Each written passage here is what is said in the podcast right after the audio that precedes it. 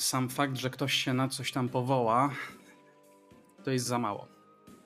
Sam fakt, że powoła się na dużo rzeczy, to też jest za mało. To, że coś brzmi mądrze, nie do końca oznacza, że jest mądre. Są ludzie, to prawda, są ludzie, którzy nie muszą liczyć kalorii, ale każdy powinien się z kaloriami liczyć. Każdy model żywieniowy można ubrać w zdrowy rozsądek albo ubrać w absurd. Więc y, nie, absolutnie ciała ketonowe nie odchudzają, ciała ketonowe nie mobilizują tkanki tłuszczowej, ciała ketonowe to hamują. Idę sobie na pizzę, nagle załaduję 150 gramów węglowodanów. Co się dzieje w moim organizmie? Y, czy może to być niebezpieczne? Nie ma nasyconego kwasu tłuszczowego, który jest dla nas niezbędny. Nie wiem, no straszymy ludzi metalami ciężkimi w rybach, jednocześnie paląc fajki. No to jest jakaś aberracja po prostu. Nie?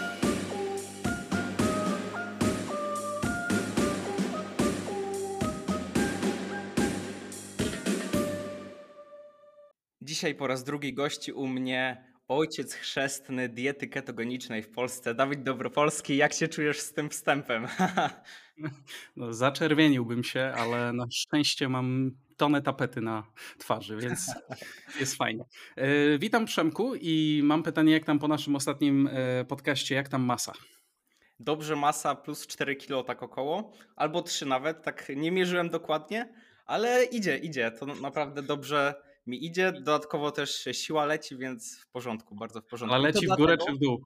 W górę oczywiście i to dlatego, najważniejsze, zacząłem liczyć kalorie. To jest w no, zasadzie brawo. taki game changer i myślę, że dużo ludzi myśli, o ja jestem inny, ja potrafię to zrobić na wyczucie, na instynkt, ja tak myślałem, a tu liczę kalorie i dopiero wtedy poszło, więc zachęcam każdego do liczenia kalorii, jeżeli jeszcze z tym zwleka. To na pewno. Ajajaj, czyli co, okazuje się jednak, że te liczenie kalorii to nie jest jakaś ściema i przestarzała medycyna i nauka i dietetyka. Cholera.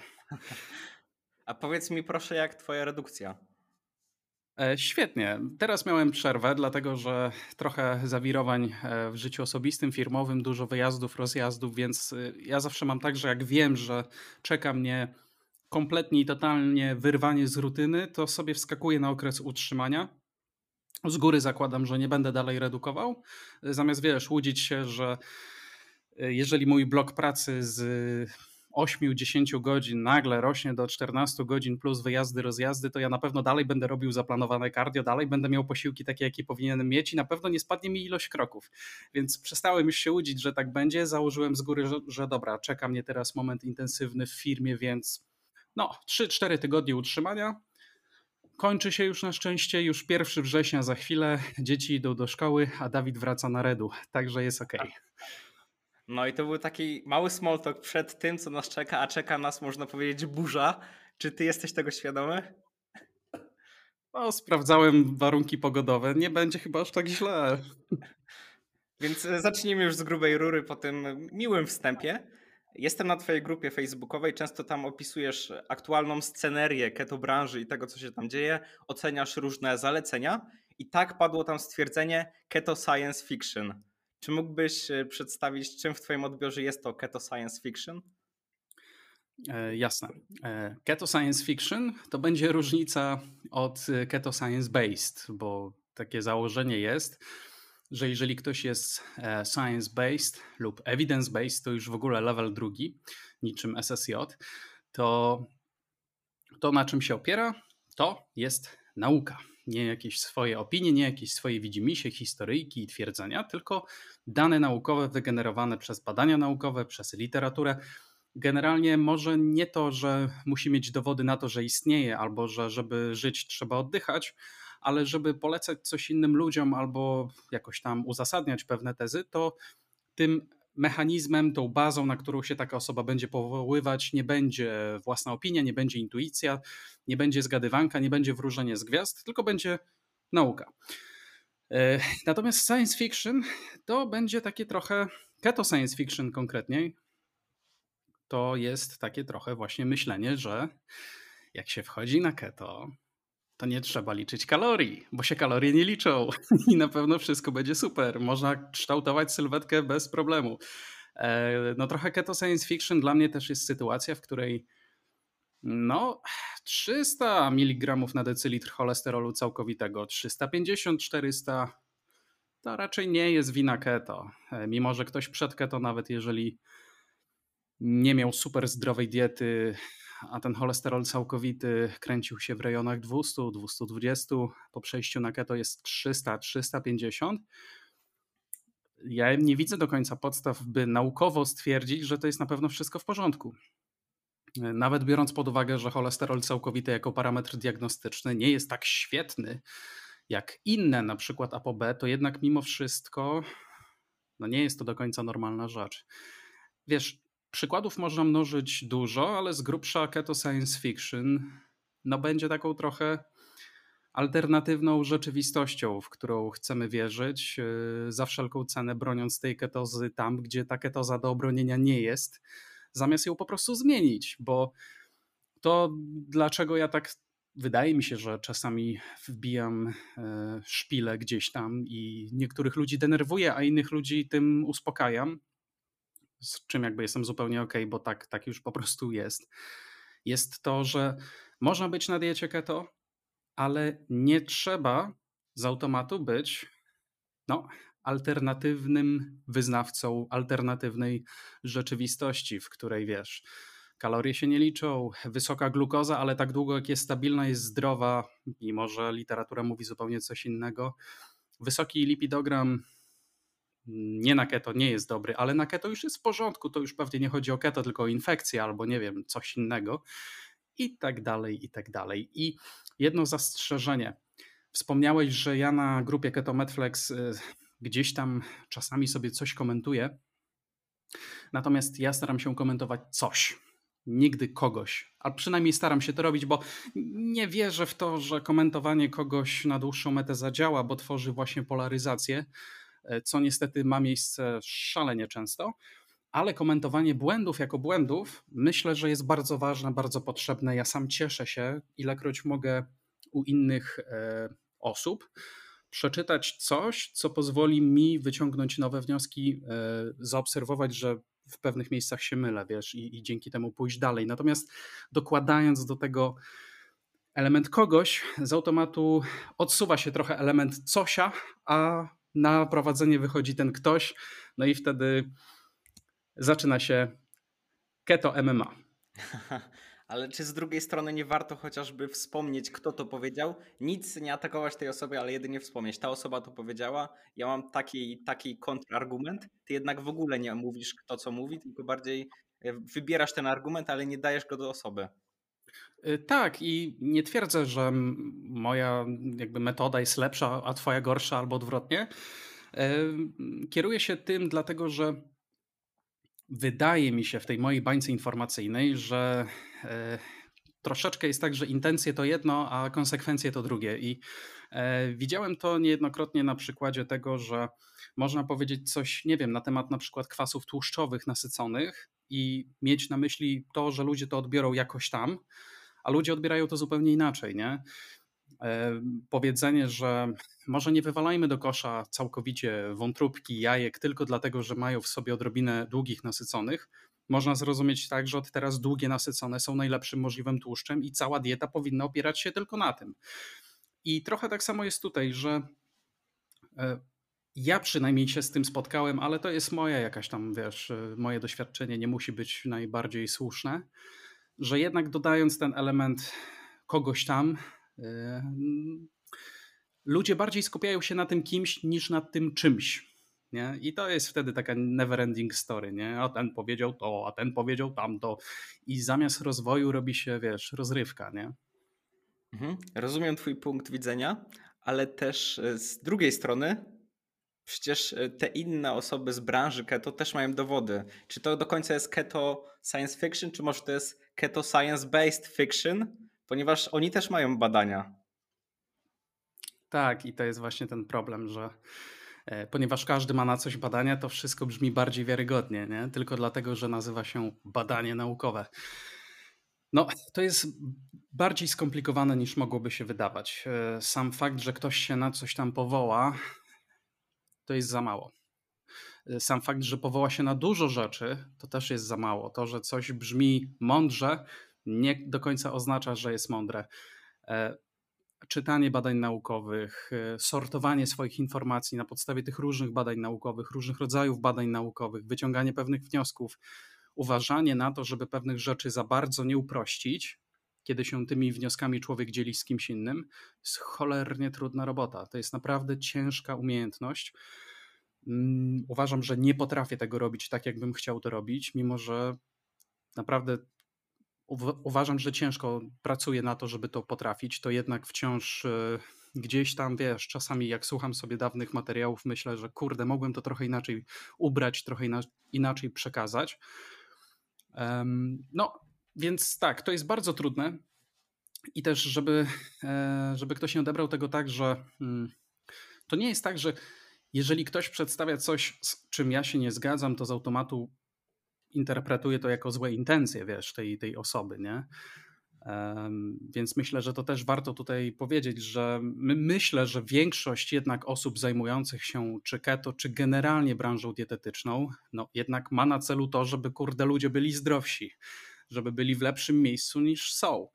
Możemy się różnić pewnymi niuansami, pewnymi metodami, drogami, poglądami itd. Tak E, ale myślę, że tak długo jak przyświeca nam ten wspólny cel meta, tak, tak jest przestrzeń na to, żeby się dogadać, żeby rozmawiać. Nie? Natomiast kiedy zamieniamy ten cel z tego na ten, żebym to ja miał rację ja był top, top of the top, no to wtedy tworzą się właśnie, wiesz, wojenki, kłótnie i tak dalej, nie? w co nie mój świat. Mhm, jak najbardziej rozumiem. I Teraz zadam Ci pytanie typowo pod algorytm, typowo pod e, miniaturkę. Czy społeczność keto to kult w Polsce? Mogę jeszcze zrobić taką minę. O! Będą napisy żółte najlepiej. Wiesz co, e, czy społeczność keto to kult w Polsce? Tak, przynajmniej częściowo. Czy to nie staje się kultem pewnego rodzaju czymś, co, w co wierzy się bezrefleksyjnie? Wiesz co, ale to y, nie tyle się staje, ile od zawsze chyba było. Przynajmniej takie mam wrażenie, bo 2016 chyba, 2 lutego albo, albo coś koło tego, albo 6 lutego, jak zakładałem grupę Keton na, na polskim Facebooku, to jeszcze wcześniej była jedna chyba grupa Ketoza się nazywała, a jeszcze wcześniej, wcześniej to w ogóle grupy również na amerykańskim Facebooku. Wiesz, tam już wtedy były osoby, które chciały no jednak widzieć w tym kult, a nie jedną z wielu różnych normalnych diet, które dla niektórych ludzi mogą zadziałać, dla innych mogą nie zadziałać, ale nigdy nie były i nie będą panaceum na, na całe złotego świata i wcale nie muszą być. Także to nie jest tak, że wiesz, że od jakiegoś momentu jest ciach w historii keto współczesnej w social mediach i od tego ciach tu zaczyna tworzyć się, wiesz, w niektórych miejscach kult, a wcześniej tego nie było. Tylko wydaje mi się, że ta skala jest po prostu inna i dzisiaj mocniej, bardziej, łatwiej zauważyć ten kult lub, mam nadzieję, brak kultu, więcej zdrowego rozsądku, mniej budowania poprzez dzielenie. O, tak bym powiedział. Jak myślisz, z czego wynika to, że akurat w, tym, w tej części dietetyki, jaką jest e, dieta ketogeniczna, jest mhm. tyle tego E, kultostwa, można powiedzieć? Skąd się to bierze, że akurat tutaj, a nie w high carb przykładowo? E, wiesz co? Wydaje mi się, że hmm, mam taką teorię swoją spiskową, którą czasami nazywam takim wahadełkiem popularności, bo można powiedzieć, że w pewnych kręgach, w pewnych miejscach i w pewnych okresach to dieta wegańska czy wegetariańska też miała cechy kultu, też ma w wielu miejscach cechy kultu, równie mocno i równie polaryzująco, co tutaj może mieć dieta keto lub jakieś tam jej odłamy. E, natomiast dlaczego akurat dieta keto ma takie elementy? Wiesz co, myślę, że to jest kilka powodów. Ja nie jestem socjologiem, nie jestem psychologiem, nie chcę tutaj grać, wiesz, omnipotentnego, ale według mnie no, pierwszy element, który się na to nakłada, to jest element restrykcyjności tej diety, który czasami jest opacznie rozumiany. Wiesz, to, że obniżamy podaż węglowodanów, to nie jest równa się węgle są złe. To, że obniżamy sygnalizację insulinową po to, żeby zwiększyć ketogenezę, nie oznacza, że obniżamy ją dlatego, że insulina jest zła. Bez insuliny by nas nie było, byśmy mieli właśnie kwasicę ketonową. To właśnie insulina odblokowuje w ogóle rozmowę na temat diety ketogennej i na temat stanu ketozy odżywczej. Bez tej wstrętnej insuliny nie byłoby tematu. E, także myślę, że ten element tutaj restrykcyjności to jest jedna kwestia. Druga kwestia to jest no, jakaś taka chęć jednak dobudowania potężnego spisku i atmosfery manipulacji, bo fobia tłuszczowa, bo Ancel kłamał, bo nie wiadomo co. Więc dzisiaj chcemy równie mocno odreagować tamten okres, powiedzmy, i tamte zalecenia, które się nie sprawiły, więc z równą, wiesz, żarliwością tutaj możemy dobudować sobie, że no to w takim razie wywalamy całą dietetykę, wszystkie zalecenia, wszystko po prostu, co jest oficjalne i robimy po swojemu. I myślę, że jeszcze jest kilka innych czynników, które się na to nakładają, wiesz, no tak to już jest. Natomiast zgadzam się z tobą, że w tym momencie e, jest tak, że jest na pewno tego więcej niż było wcześniej. Natomiast nie jest to nowe zjawisko, uważam, tylko jest to zjawisko, które na pewno jest y, wzmocnione efektem skali. Mhm. W skład tego zjawiska często wchodzą uproszczenia, o kilku z nich wspomniałeś. I, tak. znalazłem kilka komentarzy, które pokazują, że to uproszczanie tego wszystkiego, tej całej dietetyki, tego skomplikowanego me e, mechanizmu, jak my jesteśmy my, jest pozytywne dla wielu ludzi. Jak ty myślisz? Może za, zanim ci zadam to pytanie, to po prostu przeczytam kilka komentarzy, które znalazłem. To są komentarze akurat z twojej rozmowy z Darią Łukowską, gdzie rozmawialiście o podobnych tematach. I tak jeden z komentarzy brzmi: Prostota jest piękna i działa, trafia do celu. Lubię za to i braci rodzeń. Braci rodzeń. Będziemy tu mówić, e, ja będę mówił przynajmniej o kim mówię, więc tu był e, komentarz o braciach rodzeń. Oni właśnie stosują dużo uproszczeń łatwo wszystko upraszczają tak, że każdy może się tym zainteresować i rozpocząć, myślę. E, kolejny komentarz. Bracia Rodzeń zrobili u mnie pozytywną robotę, zahaczając mnie znikąd jednym z tytułów. Obejrzałem około 30 odcinków i mocno mnie naprowadzili, ale potem już narosło red flags, czyli jakieś wątpliwości, i trzeba było przejść do bardziej wyważonych źródeł. Koniec końców jednak jestem im wdzięczny za to zahaczenie, bo 10 kilo mniej i czuję się świetnie na keto. Kolejny komentarz. Osobiście słucham wielu kanałów o diecie, zdrowiu, treningach, ale większość ludzi chorych metabolicznie to ludzie prości, do których właśnie przekaz braci rodzeń trafia najlepiej. Jeszcze ostatni. Bracia keto influencerzy w moim przypadku zrobili super robotę. Zaczęłam zadawać sobie dużo pytań i dzięki temu trafiłam na Dawida. Teraz mam więcej odpowiedzi niż pytań. tu nawet komplement ci się trafił w tym komentarzu, więc w tak dużym skrócie te uproszczenia, to e, te, ta charakterystyka, która jest podobna jednak do kultu, czyli takie bezrefleksyjne wierzenie w coś, na początku jest dobre. Jak ty uważasz? Uważam, że możesz trochę uprościć to uproszczenie, bo to jest, wiesz, garść przeczytanych komentarzy, a mogą być też inne komentarze, które mogą zupełnie inny obraz malować. Nie mówię, że zły lub dobry, ale to jest jednak pewna część wybranych komentarzy na ten temat. Nie? Gdybyś poszukał innych, popatrzył innych, to moglibyśmy narysować tu zupełnie inny obraz. Więc jakby to jest pierwsza rzecz. A druga rzecz jest taka, że ja się w pełni zgadzam, że uproszczenia są w porządku. E, to chyba Einstein powiedział, że o nauce należy mówić prosto. Prosto, ale nie prościej. I myślę, że to jest bardzo trudne swoją drogą i szapoba dla każdego, kto potrafi skomplikowane, złożone, wielokontekstowe i zniuansowane treści i zagadnienia uprościć tak, żeby one były zrozumiałe i lekko strawne dla innych, ale w całym tym procesie po drodze nie przeinaczyć czegoś w taki sposób, by jednak komuś nie zrobić kuku. Ja, tak jak Ci wspomniałem na początku naszej rozmowy, to jest bardzo trudna umiejętność. Ja nie uważam, że ją posiadłem, chociaż staram się ją rozwijać. E, myślę, że jest nawet trudniejsza niż e, bycie takim e, sztywnym, surowym naukowcem, wiesz, co sobie siedzi w laboratorium, opublikuje badanie naukowe, wrzuca je do czasopisma i zamyka temat i idzie dalej.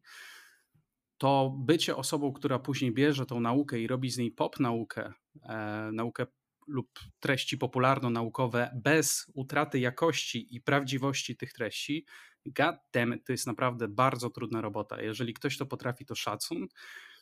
Mm, ja nie mam instrumentów, Przemek, żeby zmierzyć, czy ta osoba lub tamta osoba koniec końców robi więcej złego, czy więcej dobrego. Natomiast tam, gdzie widzę nadmierne uproszczenia i to, do jakich problemów długoterminowych one mogą prowadzić, no to tam staram się zabierać głos. Nie dlatego, że ja chcę mieć rację za wszelką siłę, bo to nie, naprawdę nie o to chodzi. Tylko chodzi o to, że na przykład, jeżeli masz osobę, która idąc sobie torem upraszczającym, wywali w cholerę słodycze, przetworzone żarcie. I dzięki temu postawi na nisko przetworzone, normalne, prawdziwe jedzenie. Super, naprawdę petarda. E, tylko jeżeli w całym tym procesie zacznie obserwować, że rośnie mu glikemia do rejonów 100, 105, 95, 110, to pomimo tego, że ona jest stabilna, to nie jest zdrowa fizjologiczna glikemia, to nie jest zdrowa normalna sytuacja, ale upraszczając pewne treści, możemy taką osobę zaboksować w miejscu, w którym ona będzie uważać, że tu już jest super.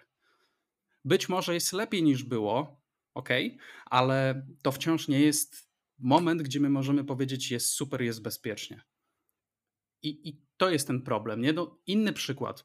Taka osoba może zmienić swoją dietę, zainteresować się zdrowiem, zmienić swoje nawyki, fajnie. Tylko jeżeli rozwali sobie przy okazji lipidogram, a często to widać e, w wielu grupach, nie powiem już jakich, bo nie o to w tym chodzi, ale dużych, bardzo licznych grupach, o wiele bardziej liczniejszych od jakichś tam moich grupek, to znowu uproszczenie tematu, że cholesterol jest taki ważny w organizmie, więc wysoki poziom cholesterolu całkowitego na pewno jest super i nie wolno tego obniżać. E, albo że tu chodzi tylko o jakieś tam proporcje, albo że wszyscy lekarze kłamią, to nie jest dobre rozwiązanie. Tak samo powiedzenie, że są zalecenia, które nie działają, tworzone przez dietetyków, lekarzy, rząd i tak dalej, e, po to, żeby spolaryzować ludzi i zachęcić ich do tego, żeby się jednak bardziej wzięli za siebie, wzięli odpowiedzialność za swoje życie, za swoje odżywianie i tak dalej. No super, ale przy okazji przylepianie wszystkim, jak leci dietetykom, że się nie znają, że pracują na przestarzałych wytycznych, to nie jest fair to jest zachęcanie do polaryzacji, to, to, to jest zachęcanie do podziału. No, ja się pod tym nie podpiszę. Według mnie to robi więcej złego niż dobrego. Mhm. I mówisz dużo o tym cholesterolu. Myślę, że to jest najważniejsza kwestia, w której nie zgadzasz się z większością branży. Nie, tu, tu muszę zapauzować. Nie z większością branży. Branża dietetyczna i w niej nisza keto nisza keto jest bardzo malutką, malutkim wycinkiem branży dietetycznej, czy branży medycznej, czy branży z rynku zdrowia. E, nawet w samej niszy keto są ludzie, którzy słów, które mówię, nie odbiorą jako jakieś totalne zaprzeczenie. Także tu małe votum separatum. To, co mówię o cholesterolu, że wysoki cholesterol nie musi być powodem do radości, to nie jest nic kontrowersyjnego nie jest nic kontrowersyjnego, ale jest jednak czymś, z czym nie zgadzają się niektórzy promotorzy diety ketogenicznej, to na pewno. I co jeszcze zauważasz e, w ich promocji, z czym niekoniecznie się zgodzisz, co myślisz, że wywołuje więcej szkody niż e, pożytku? Mówiłeś jeszcze o glukozie na czczo, tak? Że jest za duża i to też może być problem. Mhm. E, co takiego jeszcze widzisz? Krótki przerywnik. Jeżeli dotarłeś do tego miejsca, to zostaw w komentarzu taką oto emotkę małpki. Pokazuje mi ona, że nie jesteś botem, a prawdziwym homo sapiens. A w dodatku wspierasz cały projekt darmowych rozmów najwyższej jakości oraz moje morale. Zostaw jeszcze łapkę w górę oraz subskrypcję, a będzie to dla mnie znak, aby tworzyć więcej rozmów o właśnie tej tematyce. Jeśli interesujesz się holistycznym rozwojem, to sprawdź jeszcze darmowe fragmenty mojej książki, w której streściłem lata rozwoju do 85 praktycznych rozdziałów. Link do darmowych fragmentów znajduje się w opisie oraz na stronie przemekwojcicki.pl. A teraz wracamy do rozmowy. Mm, widziałbym jeszcze takie podejście, które faworyzuje e, taką reżimowość i eliminacyjność jako odruch, którym należy się kierować, jeżeli nie ma jakichś efektów. No, tak samo bagatelizowanie chociażby wątku liczenia kilokalorii. Wiesz, rozwiązaniem na problem, jakim jest to, że ktoś nie może dalej schudnąć, naprawdę rzadko kiedy rozwiązaniem jest zachęcanie do coraz dłuższych postów, do coraz większego pomijania śniadań, do coraz mniejszych y, częstotliwości jedzenia posiłków w ciągu dnia, jeżeli nie ma podstawowej rzeczy ogarniętej. No, kontroli kilokalorii. I ja nie mówię o tym, że, bo znowu to jest kolejne nadmierne uproszczenie, że Przemek, słuchaj, kiedy ja powiedziałem tobie o kontroli kilokalorii, to czy ty spędziłeś tą kontrolę kilokalorii na jakimś znerwicowanym liczeniu, ważeniu i mierzeniu w poczuciu paniki, strachu i po prostu jakiejś y, zaburzeń odżywiania? Jest to proste, ale jednak e, ja mówię tutaj o masie, a w przypadku redukcji mhm. działa to nieco inaczej jeszcze w połączeniu ze stanem ketozy. Tam regulujemy hormony i działa to cuda według niektórych. Ja myślę, że mają po części w tym rację, że jeżeli będziemy jeść posiłki, które nas nasycają, jeżeli nasza leptyna będzie działała w zgodzie z naturą, no to automatycznie będziemy wchodzić w ten stan deficytu i nie będziemy musieli liczyć tych kalorii. No tak, tylko co z ludźmi, u których to totalnie kompletnie nie zadziałało? I ludźmi, którzy ci udokumentują bez problemu, że mieli ciała ketonowe, mieli wszystko to, co trzeba, to co wtedy odpowiedzią jest to, że się stresowali, że, że mieli za dużo złych emocji w sobie negatywnych? Co takim ludziom możemy powiedzieć, że dla was magia nie działa? możemy im powiedzieć, że po prostu dla nich mechanizm może jeszcze się nie uregulował, czy tak możemy powiedzieć, że jeszcze może to zalecenie nie jest skierowane do wszystkich, ale wielu ludziom pomoże. Myślę, że tak 80% na pewno. O, widzisz, a, a to już jest coś, z czym o wiele bardziej bym się zgodził, nie? że mamy metodę, ale metoda nie jest dla każdego, bo nie ma metod dla każdego, nie, nie ma panaceum. Natomiast tu jest też jedna taka rzecz, że ja nie uważam, że e, hormony w ogóle nie mają związku z kaloriami. Mają potężny i ogromny związek z tym, jak łatwo lub jak trudno będzie komuś realizować określony cel kaloryczny, ale nie należy tego totalnie i kompletnie od siebie odłączać, dlatego że czasami sam fakt posiadania nadmiernej tkanki tłuszczowej jest na tyle prozapalnym stanem, że liczenie tylko na to, że sama dieta wpłynie na hormony na tyle mocno, że taka osoba poprawi swoje, swoją kontrolę kalorii i dzięki temu schudnie, nie licząc tych kalorii, to może być za mało, to może nie wystarczyć. Nie? Natomiast popychanie ludziom skojarzenia, że liczenie kalorii musi być trudne, musi być skomplikowane, musi być czymś prowadzącym do nerwicy, jest nie fair. Wiesz, to, że są ludzie, którzy się doprowadzili do takiego stanu, nie znaczy, że to ten stan do tego doprowadza, nie? No, that's it. Ja myślę, że tutaj w przypadku właśnie mówienia, że nie trzeba liczyć kalorii, schudniesz tak czy siak. Jest to właśnie to, o czym wcześniej mówiłem, czytając te komentarze, że jest to takie zahaczanie tych ludzi, branie ich do siebie, a następnie oni wejdą na wyższy poziom, którym jest już liczenie kalorii, ale na początku dużo ludzi może to zmotywować, że weszli na styl niskowęglowodanowy, widzą jak leci im waga w dół, nie liczą kalorii, po prostu nie jedzą chlebka i makaronu. I takie uproszczenia pomagają zgarnąć masę ludzi i ustawić ich na dobry tor, więc tak ja to widzę z mojej perspektywy, widzę, że tu e, kiwasz głową, więc pewnie się zgadzasz, ale to jest znowu uproszczenie, tak? tak? Tak, absolutnie tak. Natomiast to, to są zupełnie dwa różne uproszczenia.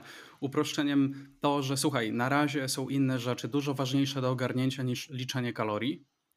E, od mówienia, że jak ogarniesz to, to już kalorii nie musisz liczyć, albo co gorsze, jedz ile chcesz, i wygląda jak chcesz, a kalorie się nie liczą i nie licz kalorii. To są zupełnie różne, wiesz, historie, nie? I jakby jeżeli ktoś od początku mówi uczciwie, że to jest bardziej ta pierwsza rzecz, o której wspomniałeś, niż ta druga, ja się nie mam absolutnie do czego przyczepić. Wręcz przeciwnie, będę temu kibicować. Jakby w pełni rozumiem to, że ludzi trzeba jakoś zachęcić do tego, żeby zaczęli o siebie dbać.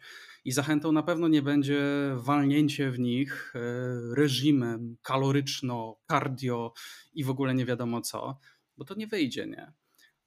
ale to tylko to, żeby być w tym do końca uczciwym, nie? I wiesz, są ludzie, to prawda, są ludzie, którzy nie muszą liczyć kalorii, ale każdy powinien się z kaloriami liczyć, nie? Czyli są ludzie, którzy potrafią wejść w stan bardzo przyjemnego deficytu kalorycznego i redukować bez problemu, ale nie każdy.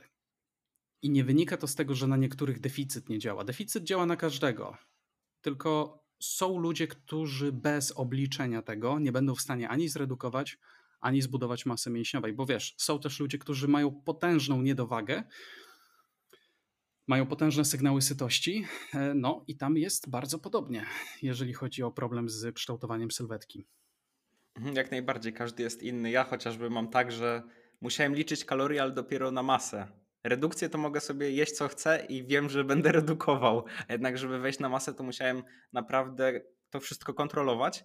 E, wspomniałeś w swoim wywodzie e, cytat jedz co chcesz, wygląda jak chcesz. Jest to koncept e, warszawskiego koksu, gdzie mówią oni, że możesz jeść cokolwiek, słodycze, byle tylko i wyłącznie zgadzał się bilans kaloryczny i dzięki temu dalej będziesz chudnąć. A z drugiej strony mamy to podejście nie licz kalorii, wejdź na styl niskowęglowodanowy i wtedy będziesz chudnąć. To z mojego punktu widzenia jednak ten styl niskowęglowodanowy, który jednocześnie często łączy się z nieprzetworzonym jedzeniem, jest lepszym trendem niż trend jedz co chcesz, wygląda jak chcesz. Jak ty na to patrzysz? E, że znowu jest masa różnych ludzi, nie? Wróćmy do twojego przykładu. Czy ty byłeś osobą, która kiedykolwiek miała otyłość? Nie. No właśnie. E, natomiast jeżeli mamy osobę, która miała otyłość i się z tą otyłością boryka, borykała, ma zupełnie inne wypalone cechy nawykowe, do których będzie wracać na przykład pod wpływem stresu albo kompensacji w odpowiedzi na ten stres, zupełnie inaczej niż na przykład ty, nie? Więc y, różne strategie do różnych osób zadziałają lub nie zadziałają. I teraz znowu mi się wydaje, że to jest też jakaś taka dziwna dychotomia że w podejściu jedz chce, jak chcesz i wygląda jak chcesz, trzeba z automatu jeść syfiaste jedzenie, aby się li, liczby zgadzały. No przecież nie musi tak być. Można być na flexible diet, mieć minimum 80% żywności zdrowej, nisko przetworzonej i sobie ją elastycznie podmieniać do, do tych liczb. To nie musi być naprawdę, wiesz, jedzenie lodów, krówek i e, no pączków, nie? I tak samo w drugą stronę dieta niskowęglowodanowa, jeżeli jest nisko przetworzona, mega. Ja temu przyklaskuję. Tylko problem polega na tym, że nie zawsze jest. Znowu, odpalmy sobie grupy na Facebooku, a zobaczymy, że oprócz diet nisko przetworzonych, niskowęglowodanowych, są również takie, które promują diety niskowęglowodanowe, wysoko przetworzone, bo tak długo jak są niskowęglowodanowe, to mogą być wysoko przetworzone, więc tak długo jak nie ma obok chleba, tak długo kabanos z majonezem i spalony, wiesz, jajko z boczkiem będzie czymś zdrowym. No nie będzie. No. Więc wiesz, różne koncepcje można za bardzo uprościć, nie? I uprościć, spolaryzować i niech się tam leją między sobą. To, to naprawdę nie musi tak być, nie? Dobrze, ale jednak e, wracając do tego pytania. Masz przed sobą przeciętną, otyłą osobę, i ta osoba ma dwa wyjścia. Albo pójść w stronę jedz co chcesz, wygląda jak chcesz, gdzie jedno założenie jest tylko i wyłącznie takie, żeby liczyć kalorie i być na deficycie. I drugie założenie, dieta niskowęglowodanowa, nie licz kalorii, wszystko się ułoży. Gdzie byś wysłał tą jedną osobę? Jeśli musiałbyś wybrać, które jest gorsze, które lepsze? I w takiej totalnej dychotomii, tak? Tak jest. No to wolałbym najpierw porozmawiać z tą osobą, jakie są jej nawyki, w jakiej jest sytuacji. Sorry, muszę to utrudnić. Dlatego, że słuchaj, no yy, Przemek, musimy to urealnić. Jeżeli mamy osobę, która ma otyłość i ma określone nawyki i reakcje rozmaite, to wejście na dietę jedną lub drugą może być dla tej osoby stresem lub nie. Może być długotrwałe lub nie, może być stabilne lub nie. I teraz co z tego, że ja ją wprowadzę na tą dietę, jeżeli ona po tej diecie już szlak za przeproszeniem trafi i wróci po tygodniu do kompletnego poddania się ze swoim zdrowiem i jeszcze zbuduje w ogóle wstręt do tego, żeby zrobić coś ze swoim życiem, to co z tego, że ja wiesz, ci w teorii powiem, że ta dieta jest lepsza, nie? I to może być albo to, albo to. Dlatego, że człowiek to nie jest kurde tylko Excel, nie? To, to, tego się nie da tak łatwo zrobić. Tutaj ten element mentalny, psychiki, nawyków jest bardzo, bardzo ważny, więc na podstawie pewnych informacji ja bym wolał najpierw wywnioskować od tej osoby, czy opcja niskowęglowodanowa bez liczenia kalorii będzie dla niej mniej stresowa, bardziej atrakcyjna, taka, która bardziej z nią rezonuje, czy może ta osoba na razie jest na takim etapie, że ona, ona sama powie, że ona jeżeli sięgnie po wątek restrykcyjny, to ona się podda, ale jest w stanie zacząć chociaż liczyć mniej więcej, ile spożywa i zaczynać budować swoją świadomość żywieniową tą drogą, nie? To zadam Ci inaczej pytanie. Załóżmy, że na przykład e, czekałyby nas nowe reformy w edukacji i tam powstałby przedmiot dietetyka i teraz mu musieliby wybrać jeden z dwóch nurtów.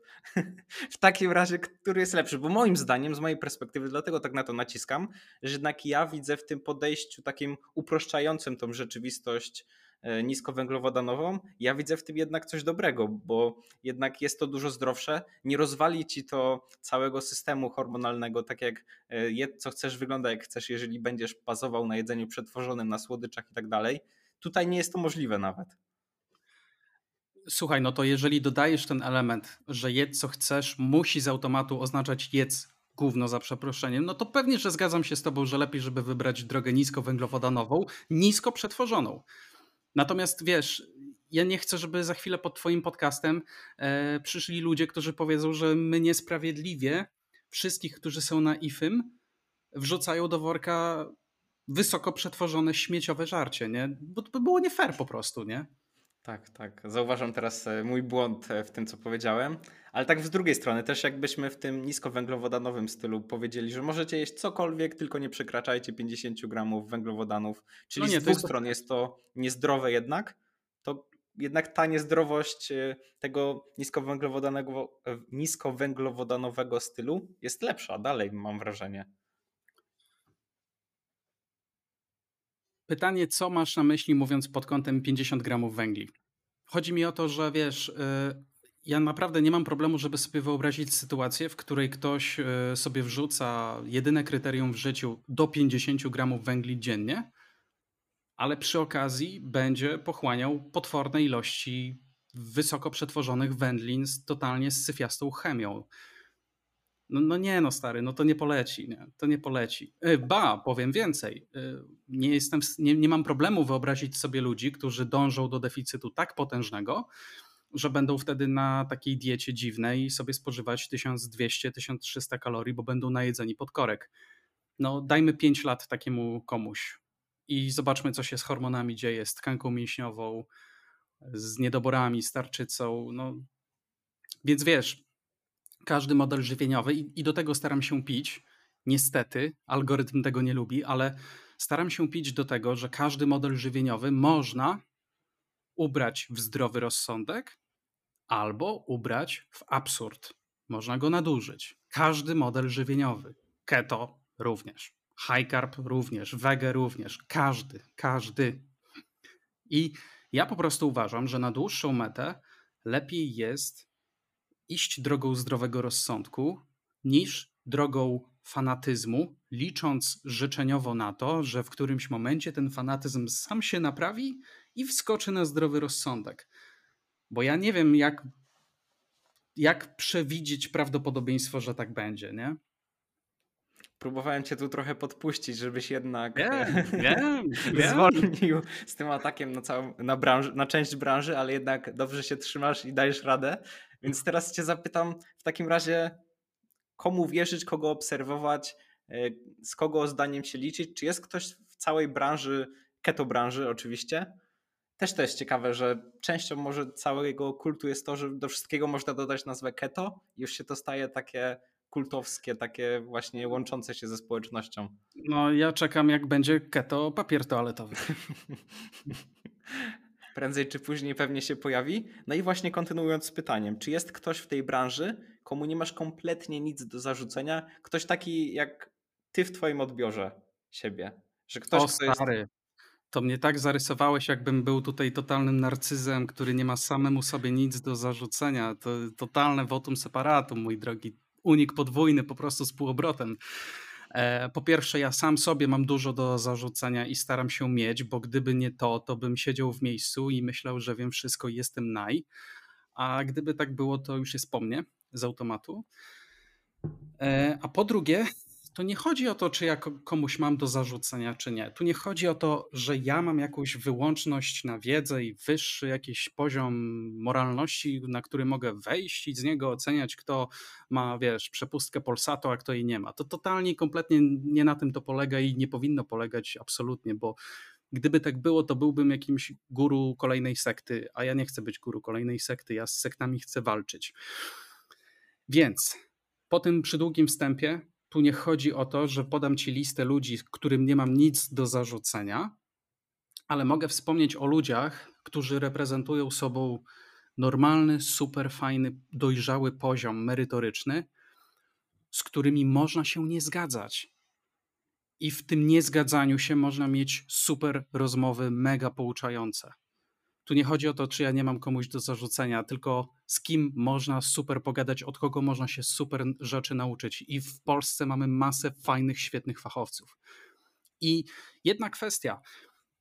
Tu nie chodzi o branżę keto.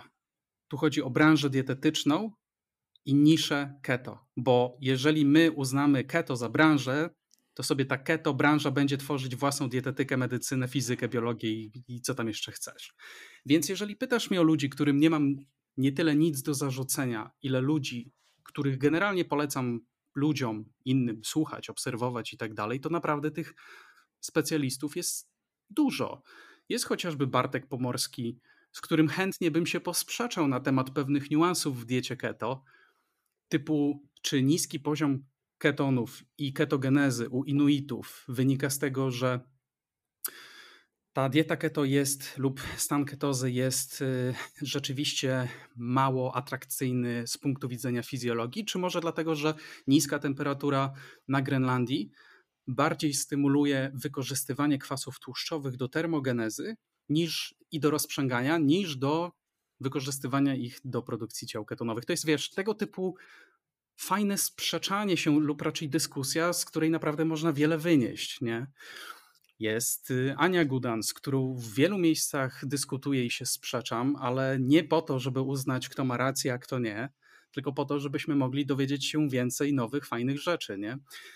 E, jest Paweł Strychalski, którego bardzo szanuję, bo od wielu lat mówi o rzeczach, o których dzisiaj w wielu kręgach keto dopiero się gdzieś tam zaczyna gadać. Nie?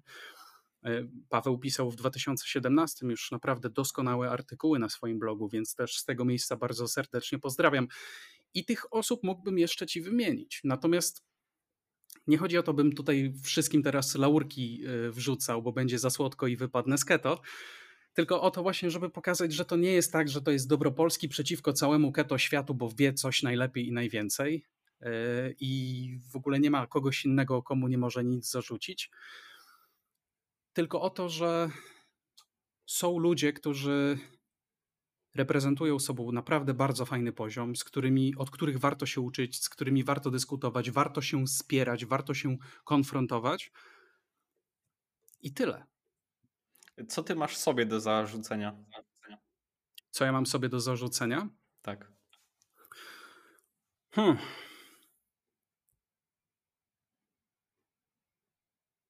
To jest bardzo fajne pytanie. I trudne. I trudne, i trudne, tak. Wiesz, to, to nie jest pytanie, na które można sobie codziennie odpowiadać myjąc zęby, tak totalnie luźno, nie? Typu co dzisiaj na obiad. Natomiast to są rzeczy, które mam sobie do zarzucenia to, że wciąż jeszcze nie umiem, tak jakbym chciał upraszczać, zachowując ten poziom lekkostrawności, bez naruszania, skomplikowania, zniuansowania i różnych tematów pobocznych. Mam sobie do zarzucenia to, że czasami ludzie mi mówią, że mówię bardzo niekonkretne rzeczy, że dużo leję wody, że dużo wiesz, filozofuję. Dla mnie to nie jest filozofia, dla mnie sam, sama koncepcja myślenia na dany temat jest tak samo ważna jak dany temat. Nie? To, że ktoś mnie zapyta, to ile tego MCT, ja nie potrafię tak sobie odpowiedzieć tyle tego MCT bez zrozumienia potrzeby, bez zrozumienia działania tego MCT, a czasami wiem, że dana osoba nie chce słuchać tego, ona chce wiedzieć, ile tego MCT brać i koniec, nie? Więc myślę, że to. Myślę, że to jest strasznie trudne. Dla mnie to jest bardzo trudne. Staram się to rozwijać cały czas, ale długa droga jeszcze. Powiedziałeś o tym, co masz sobie do zarzucenia, ale poniekąd dałeś sobie jednocześnie komplement, no bo to, że nie upraszczasz rzeczywistości, której nie da się uprościć, a jednak zwracasz uwagę na detale, to jest coś pozytywnego. I teraz Myślę, że rzeczywistość da się uprościć, tylko ja jej nie potrafię upraszczać tak bardzo, jakbym chciał, bez nadmiernych uproszczeń. Także, a poza tym wiesz, dla niektórych ludzi to jest komplement, a dla innych to jest wada. Także to jest, myślę, kwestia względna. No często tak jest, że jakiś ekspert mówi, że ktoś, go, ktoś mu zadaje pytanie jakieś konkretne, a on mówi to zależy. Ja wtedy odbieram taką osobę jak jeszcze większego eksperta, no bo pokazuje, że jest to złożone, a jednak e, ty mówisz, że to jest twoim minusem. Wiesz, no, y, z punktu widzenia tego, że mamy masę osób, które wciąż mają nadwagę, mają cukrzycę, mają problemy metaboliczne, mają fatalne nawyki żywieniowe, ja jestem w miejscu, w którym jestem jedną z osób, która trzyma tubę i może gadać i tym ludziom pomagać. Być może pomagałbym bardziej, gdybym bardziej umiał upraszczać w prawidłowy sposób. I dlatego mam sobie to do zarzucenia, że mógłbym to robić lepiej. Z drugiej strony, fakt, że rozmawiamy, że lubisz usłyszeć to zależy, jest, masz w pełni rację, czymś dla mnie super pozytywnym, bo bardzo lubię ludzi, którzy doceniają to zależyzm. Uważam, że takich ludzi jest zawsze mniej, ale jest to bardzo wartościowe. A z drugiej strony, czy jest ktoś, kto poprawnie upraszcza tą całą rzeczywistość? Czy w ogóle istnieje taka osoba chociażby w anglojęzycznym e, świecie? Nie wiem, czy mam, wiesz, pozycję do tego, żeby to ocenić i komuś wręczyć taką nagrodę, czy nie. E, tym bardziej, że pytasz osobę, która siedzi w tej branży i w niej pracuje, więc ja nie szukam uproszczeń. Ja szukam utrudnień, ja szukam skomplikowanych tematów. Ja raczej nie doceniam za uproszczenia, tylko za rozgrzebywania, za komplikowanie. Więc gdybyś mnie chyba spytał jako odbiorcę jakiejś innej branży, to byłbym w stanie lepiej ocenić łatwość przekazu. Z drugiej strony nie miałbym narzędzi, by ocenić, na ile są one poprawne. Nie? Więc witamy w świecie filozofii. Bo z mojej perspektywy pewnych rzeczy nie da się bardziej uprościć. Że trzeba mhm. jednak wejść w ten głęboki Zgadzam poziom zrozumienia i, i, działania mechanizmów, jednak nie da się tego uprościć, jeżeli chce się być w pełni poprawnym. masz, tak... masz rację, masz rację. Znaczy, nie wiem, czy masz rację, ale zgadzam się z tobą. to mam chyba rację. Dobrze, więc e, zahaczyliśmy sobie część e, keto świadka, którą, którą nie masz nic do zarzucenia, chociaż e, wytłumaczyłeś to dogłębniej. Ale teraz cię spytam, po usłyszeniu czego wiem, żeby odsubskrybować ten kanał? Co byś tak rzucił? Bo wiem, że nie chcesz podawać nazw kanałów, więc może na pewno jakbyś, jak ktoś usłyszy, że wysoki cholesterol to nie jest problem, uciekać od razu? I znaczy, co... mo, może nie tyle uciekać od razu, ale jeżeli tam jest.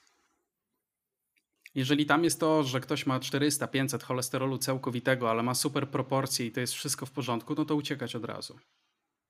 Jeżeli ktoś upraszcza tak, że leki są zawsze i wszędzie złe, no to można spytać, a skąd to wiesz? Masz jakąś, nie wiem, kryształową kulę, że wiesz, że w każdym przypadku u każdego człowieka, nie wiem, z rodziną hipercholesterolemią też leki są złe i należy tych ludzi zostawić samemu sobie? No, to raczej też bym uciekał.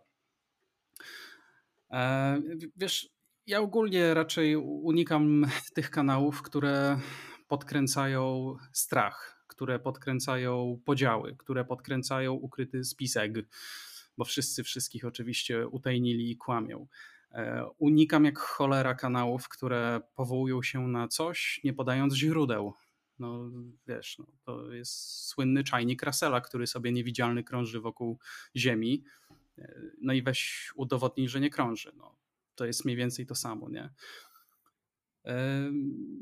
Ale też Przemek, to jest jedno podstawowe pytanie. Czego oczekujesz od danego kanału? Czy oczekujesz rozrywki, czy oczekujesz edukacji takiej twardej i tak dalej? Bo myślę, że to jest bardzo ważne. Jeżeli wchodzisz na kanał po to, żeby się e, odprężyć i pośmiać, to jest to trochę coś innego niż y, gdybyś oczekiwał od tego kanału, wiesz, dogłębnej analizy wytycznych aktualnych w leczeniu lipido, y, hiperlipidemii czy dyslipidemii, sygnowanej przez e, European Atherosclerosis Society, kurde, no, przykładowo, nie? Także zależy od celu, nie?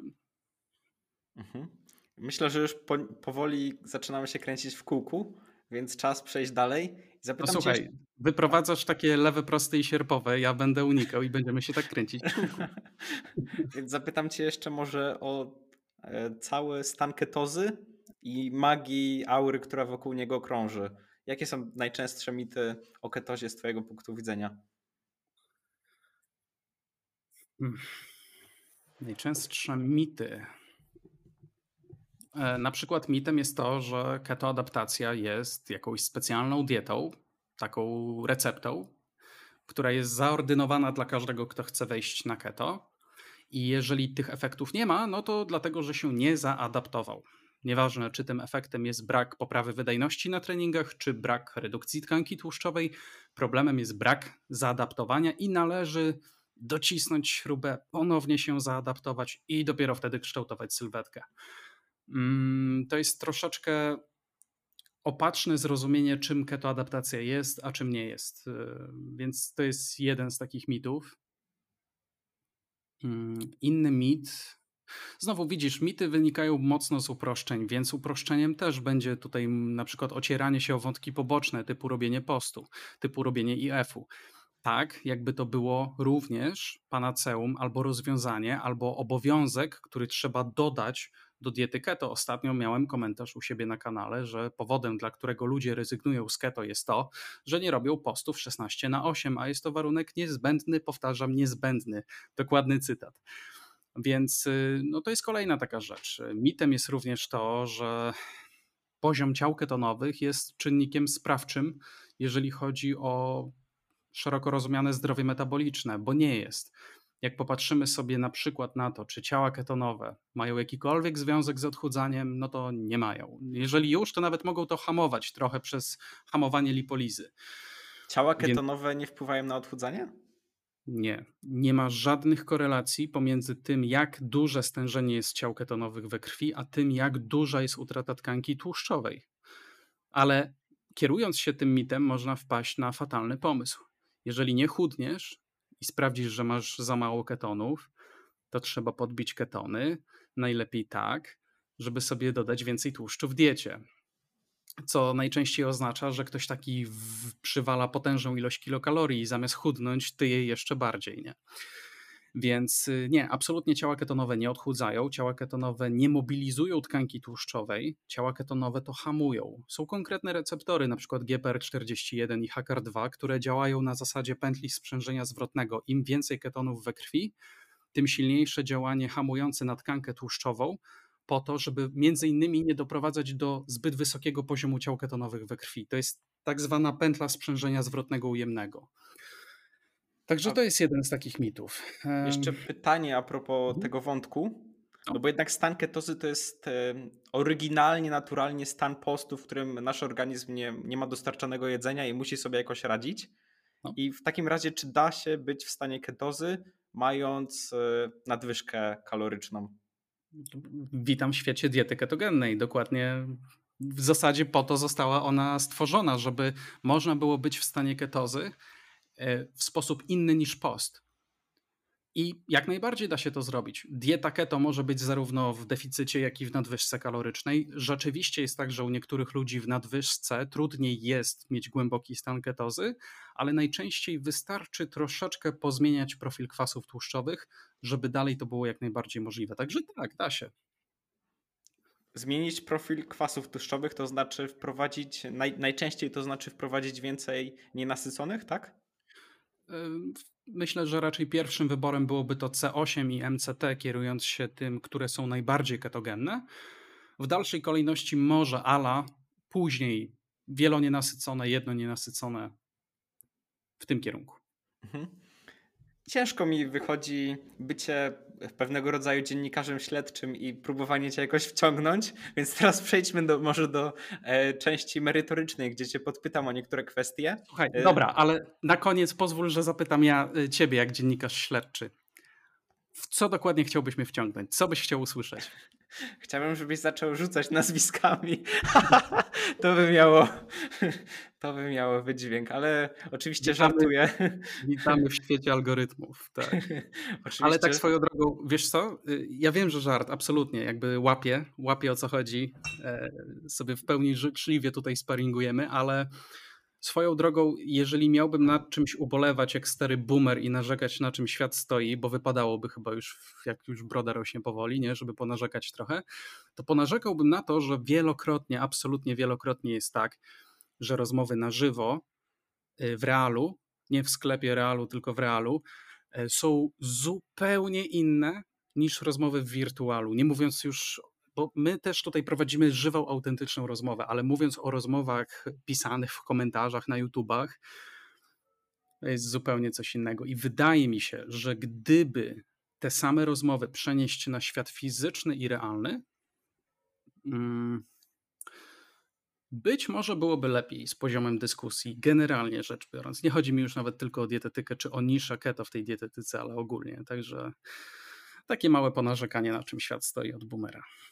Tak, tak. Ja się jak najbardziej zgadzam i niejednokrotnie słychać to e, przy różnego rodzaju wywiadach, gdzie jakaś osoba dostaje dużo hejtu w internecie i dziennikarz pyta, jak ten hejt przekłada się na życie codzienne i osoba mówi, nigdy nie doświadczyłem Totalnie. niczego z tego typu. No. I to jest bardzo częste zjawisko, niejednokrotnie je zaobserwowałem, nawet dzisiaj widziałem fragment rozmowy z Kubą Midlem akurat tam na w przygodach przedsiębiorców. I dokładnie mhm. ten wątek był i on jest niejednokrotnie poruszany.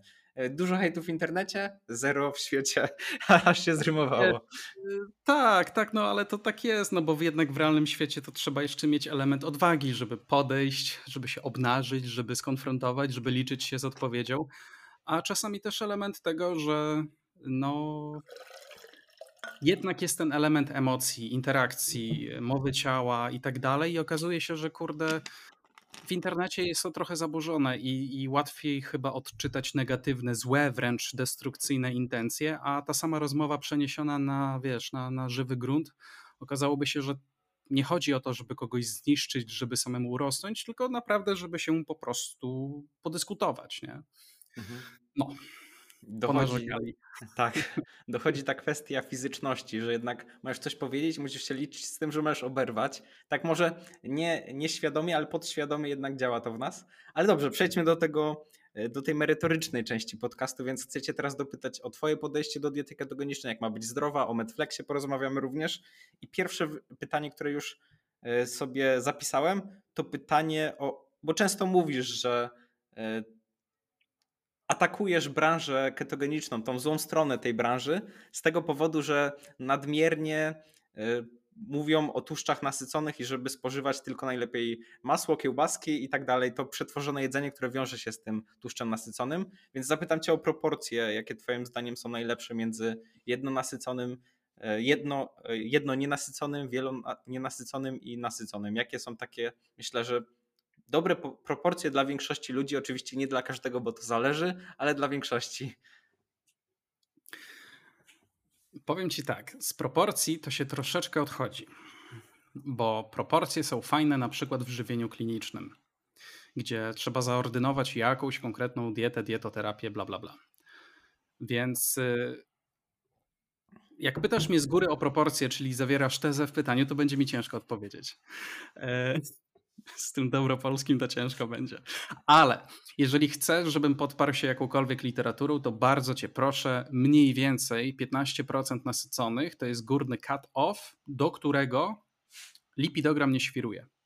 Na to oczywiście nakłada się miliard albo i biliard różnych innych czynników. Od genów, przez zawartość błonnika w diecie lub brak tego błonnika w diecie, bo nie jest niezbędny oczywiście, e, przez podaż innych składników, przez to, co to są w ogóle za tłuszcze nasycone, bo totalnie kompletnie inaczej będzie, jeżeli to będą średniej długości nasycone, totalnie kompletnie inaczej, jeżeli to będą długie nasycone, a jeszcze w tych długich moglibyśmy sobie podzielić to na stearynowy i palmitynowy, które również działają zupełnie inaczej, na przykład na lipidogram, więc jest cholernie skomplikowane, ale jeżeli chcemy to jakoś tam uprościć i bazować nie na widzimisiach, tylko konkretnie na przebadanych na ludziach różnych rzeczach, to mniej więcej różnie gdzieś między 8 a 15% długich nasyconych jest tą wartością, która zwykle trzyma lipidogram w ryzach, ale to nie znaczy, że nie wolno jeść więcej.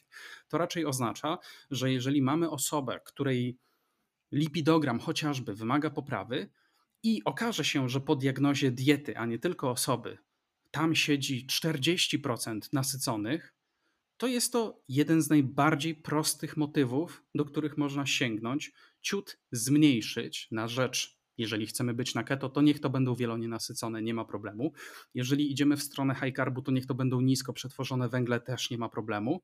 I są jasno, pięknie pokazane wytyczne, że średnio na przykład redukcja lub zamiana raczej o 1% podaży kilokalorii z długich nasyconych na poli, e, czyli wielonienasycone, potrafi na przykład zredukować ApoB o zdaje się ponad 10 mg na decylitr. Potężna, potężna ilość, nie? Więc, y, więc tak to wygląda, nie? że zapytałeś mnie o te proporcje, ja podałem taką mniej więcej ilość, ale ona zawsze wymaga urealnienia.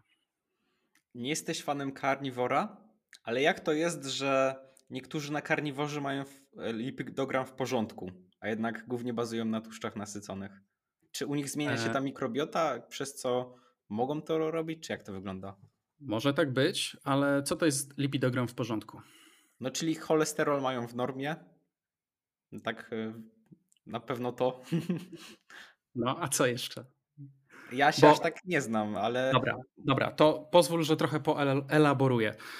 Cholesterol całkowity jest jakimś tam składnikiem, jest jakimś tam parametrem we krwi. Spoko. Jest jednym z wielu, nie jest najbardziej predyktywnym, nie jest najbardziej precyzyjnym, jest totalnie, totalnie najbardziej podstawowym, najbardziej łatwym w screeningu takim populacyjnym, e, ale nigdy nie jest wystarczający do tego, żeby cokolwiek ocenić, chyba że no, mówimy o jakichś chorych ilościach typu 400-500, no to ja nie muszę za bardzo grzebać w domu, który pokój się pali, jeżeli cały dom stoi w płomieniach i widzę dym, tak trzymając się jakiejś takiej dziwnej analogii. Natomiast bardzo często jest tak zwany discord condense, czyli taki rozstrzał pomiędzy tym, że możemy mieć cholesterol całkowity względnie w normie, ale inne dużo ważniejsze parametry rozwalone, mówiąc brzydko.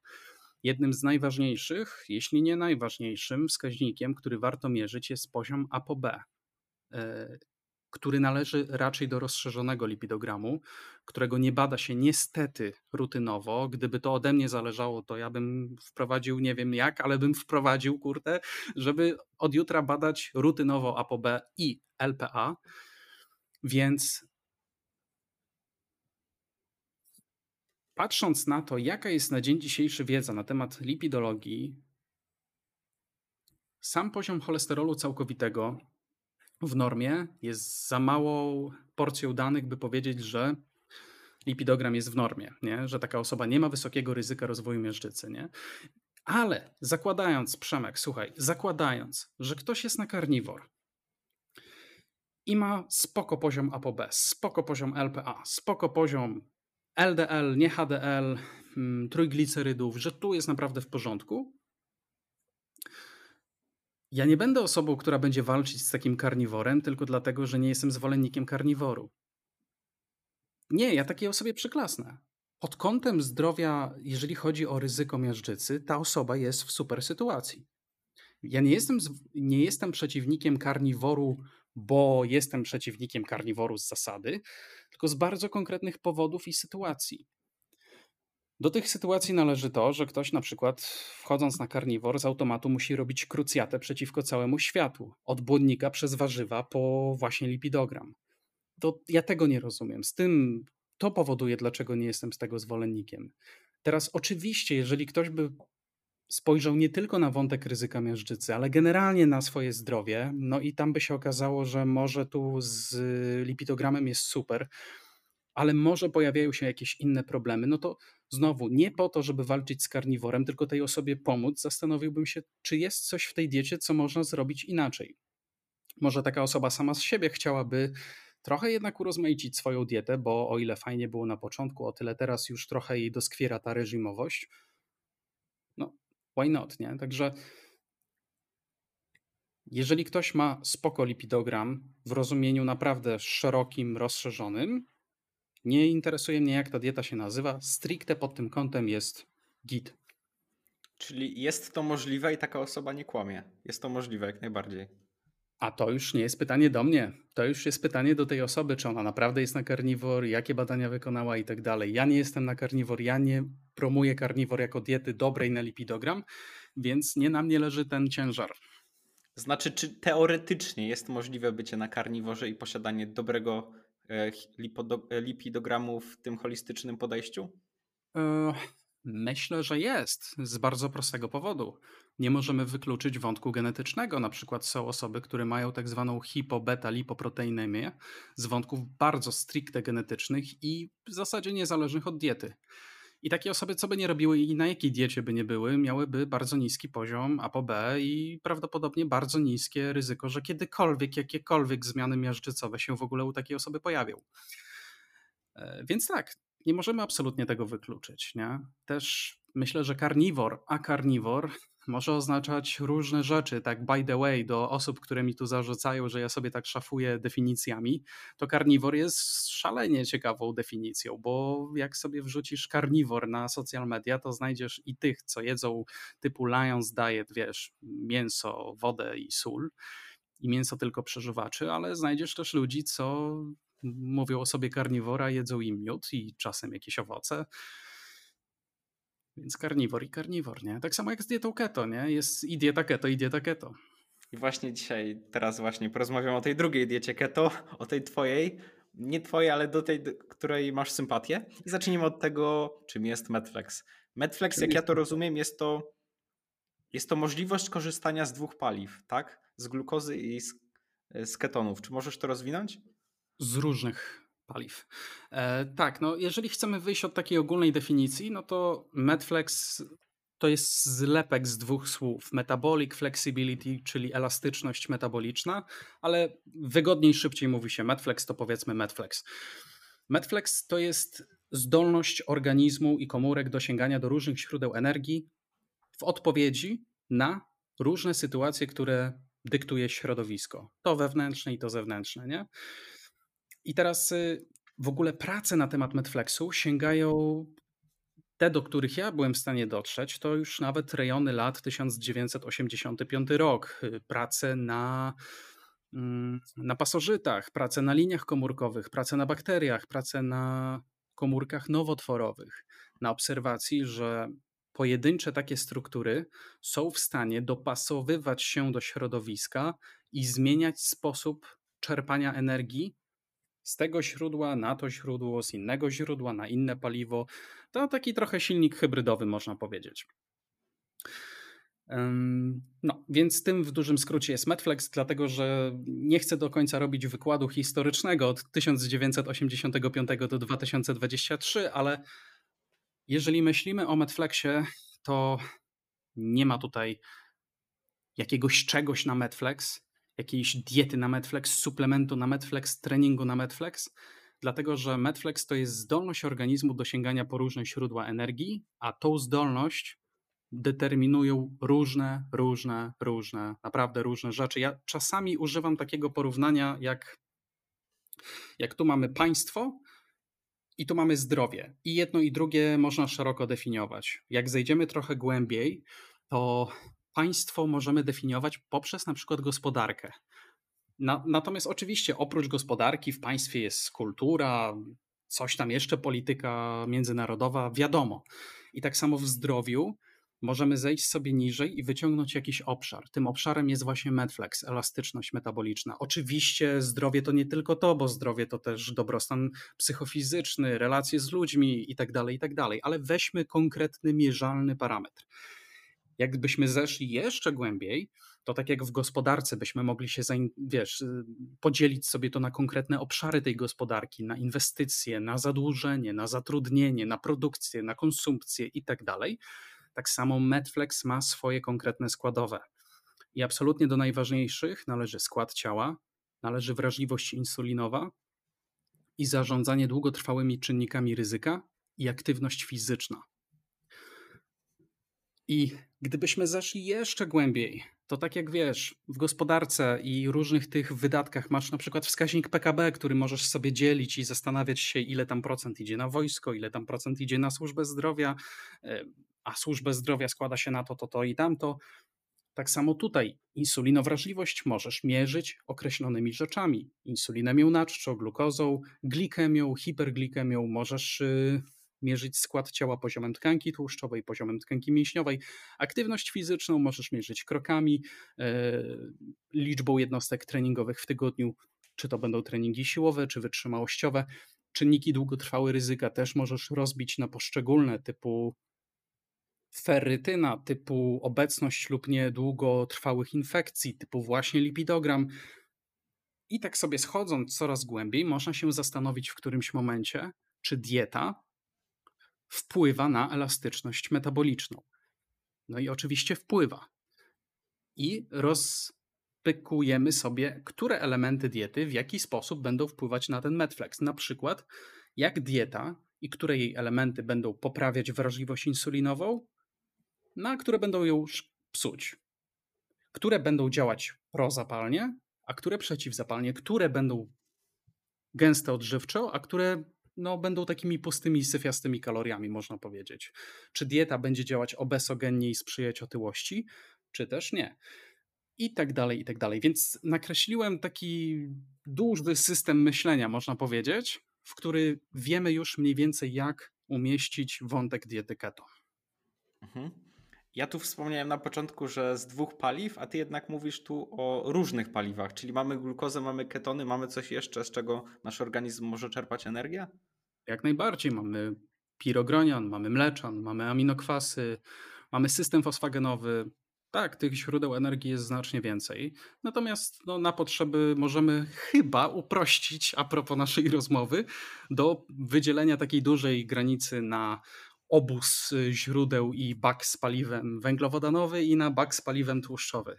Elastyczność metaboliczna, możliwość korzystania jednocześnie z różnych paliw. Właśnie jak bardzo jednocześnie? Czy ja jednocześnie w, tej sam, w tym samym momencie, w tej samej sekundzie mogę palić i węglowodany, i ketony? Czy może to jest jednocześnie w ramię jednego dnia?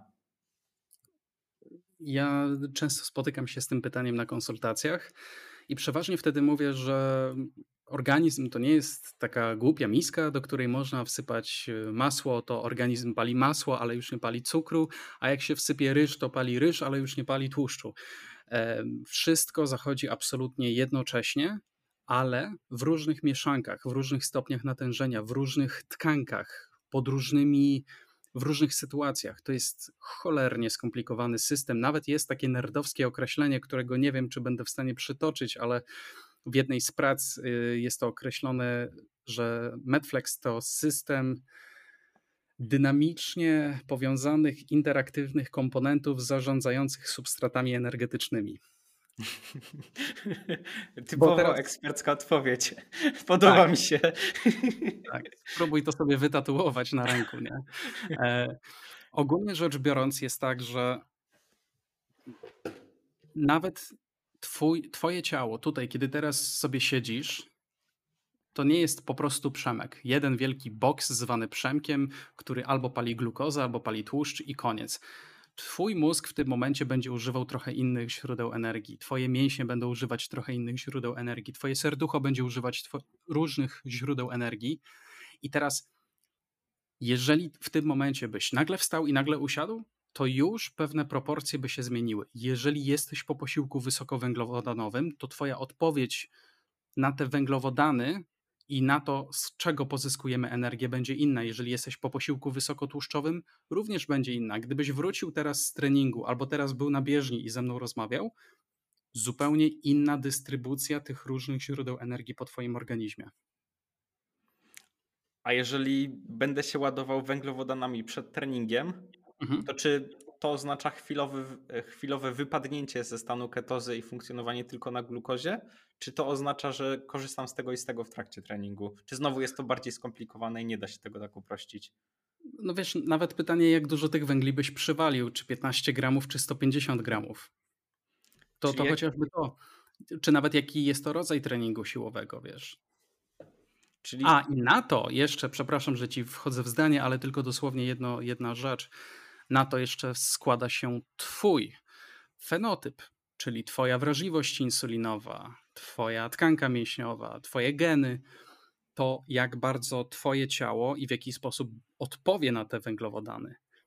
Tutaj też odpowiedź potrafi być inna, i to jest między innymi powód, dla którego część osób wchodzi bez problemu w stan ketozy nawet na wiesz 80-90 gramach węgli, pomijając kompozycję składu kwasów tłuszczowych w diecie, a niektóre osoby mają z tym problem. Notabene są też prace pokazujące, że e, problemy z wątrobą mogą być powiązane z niższą ketogenezą, z gorszym wchodzeniem w stan ketozy. Nie? Więc zobacz, że jakby z jednej strony masz input ze strony środowiska, różne diety, różne elementy tej diety, a z drugiej jesteś ty jako organizm, jest tam ktoś jako organizm, i te dwa organizmy mają zupełnie inne zdolności do reagowania na ten sam input.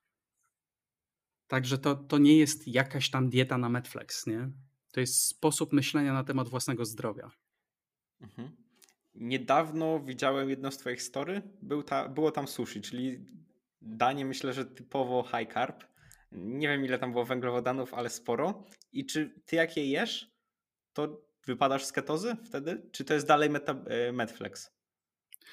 E, przede wszystkim to ja sobie to sushi wrzuciłem przed treningiem siłowym i ono było mocno zakrapiane nie sake, a MCT, więc y, tam było mniej więcej 40-35 gramów węgli z tego ryżu, z tego sushi, wrzuconego w posiłku przedtreningowym. I powiem Ci, że jeżeli chodzi u mnie o e, pomiary ketonemii, ja w zasadzie 90 parę procent doby utrzymuje płytki poziom ketozy rzędu 0,3, 0,4, 0,5, czasami gdzieś tam po, potrzebuje do okolic 0,7, ale z tego co widzę, to raczej w miarę upływu czasu ta tendencja raczej jest spadkowa, a nie wzrastająca, w tym sensie, że raczej nie mam coraz więcej ketonów we krwi, tylko albo podobnie, albo trochę mniej, jest to gdzieś zazwyczaj 0,3, 0,5, coś koło tego. Natomiast ja też absolutnie nie mam potrzeby, żeby tę ketonemię zwiększać. E, tak, jeżeli chcemy bardzo nerdowsko uderzyć, to są prace pokazujące, że wyższy poziom ketonów może upośledzać możliwości sięgania do glukozy, do palenia glukozy, więc czasami dieta keto może upośledzić ten medflex zamiast go rozwijać, jeżeli się również przegnie za bardzo w tę stronę. Natomiast ostatnia rzecz tylko w, pod kątem poziomu ciał ketonowych. Poziom ciał ketonowych we krwi nie do końca odwzorowuje poziom ciał ketonowych w komórkach. E, jest raczej tak, że im dłużej jesteśmy w stanie ketozy, tym mocniej i szybciej nasze komórki będą wchłaniać, transportować ketony z krwi do komórek, między innymi przez transportery monokarboksylowe i przez swobodną dyfuzję w pewnej części też. Więc może być tak, że ktoś, kto jest na diecie keto, ma niski poziom ciał ketonowych, niekoniecznie musi oznaczać, że jest w płytszej ketozie, dlatego że my mierzymy sobie z paluszka coś tam albo z wydechu coś tam, a nie realnie, wiesz, obecność i sygnalizację ciał ketonowych y, w komórkach. Szkoda, być może będą takie możliwości za jakiś czas, na przykład pomiar acetylacji białek wewnątrzkomórkowych. Nie? Mhm, ja właśnie słyszałem też y, podobną teorię, że z czasem nasz organizm jest tak y, efektywny w tym zarządzaniu ketonami, że nie potrzebuje wylewać jej nie wiadomo ile do krwi, a tylko tyle, ile potrzebuje i działa na tych mniejszych e, stężeniach. Tak, to jest naprawdę bardzo skomplikowany wątek, bo też ketony nie są tylko paliwem energetycznym, to są związki sygnalizacyjne na wielu różnych płaszczyznach. Nie? To są związki epigenetyczne. W ogóle są różne pętle regulowania ciał ketonowych w organizmie. Są miejsca w naszym ciele, które potrafią tworzyć ketony lokalnie na własne potrzeby. To jest tak zwana ketogeneza lokalna, y, na przykład wokół, na przykład w jelitach, ale jest też ketogeneza systemowa, tutaj głównie zarządzana przez wątrobę. Także to jest boy oh boy, naprawdę złożony temat. A tak w dużym skrócie, co sygnalizują ketun, ketony organizmowi? Jak mają funkcję sygnalizującą? Wiesz co, y, jest kilka różnych ścieżek. Niektórzy mówią, że no, obecność ciał ketonowych we krwi jest sygnałem głodu, stresu, niedoboru energetycznego. No, są inne mm, teorie, dlatego że są konkretne receptory, które wiemy, na przykład GPR41 i GPR43 z badań na szczurach, jeżeli się teraz nie mylę, chociaż nie chcę skłamać, albo z badań na liniach komórkowych serca ludzkich, ale nie chciałbym teraz tutaj kłamać, bo było to kilka dobrych lat temu, gdzie ketony obniżają pobudzenie, obniżają stymulację adrenergiczną, zmniejszają na przykład tętno. E, mamy inne prace pokazujące, że ketony działają przeciwzapalnie, zmniejszają stany zapalne w organizmie. Także jest dużo różnych ścieżek. E, ciężko jest powiedzieć, że ketony są tylko sygnałem stresu albo tylko sygnałem uspokajającym, bo w mózgu mogą sprzyjać raczej zwiększonej sygnalizacji GABA, czyli tego neuroprzekaźnika uspokajającego. Nie?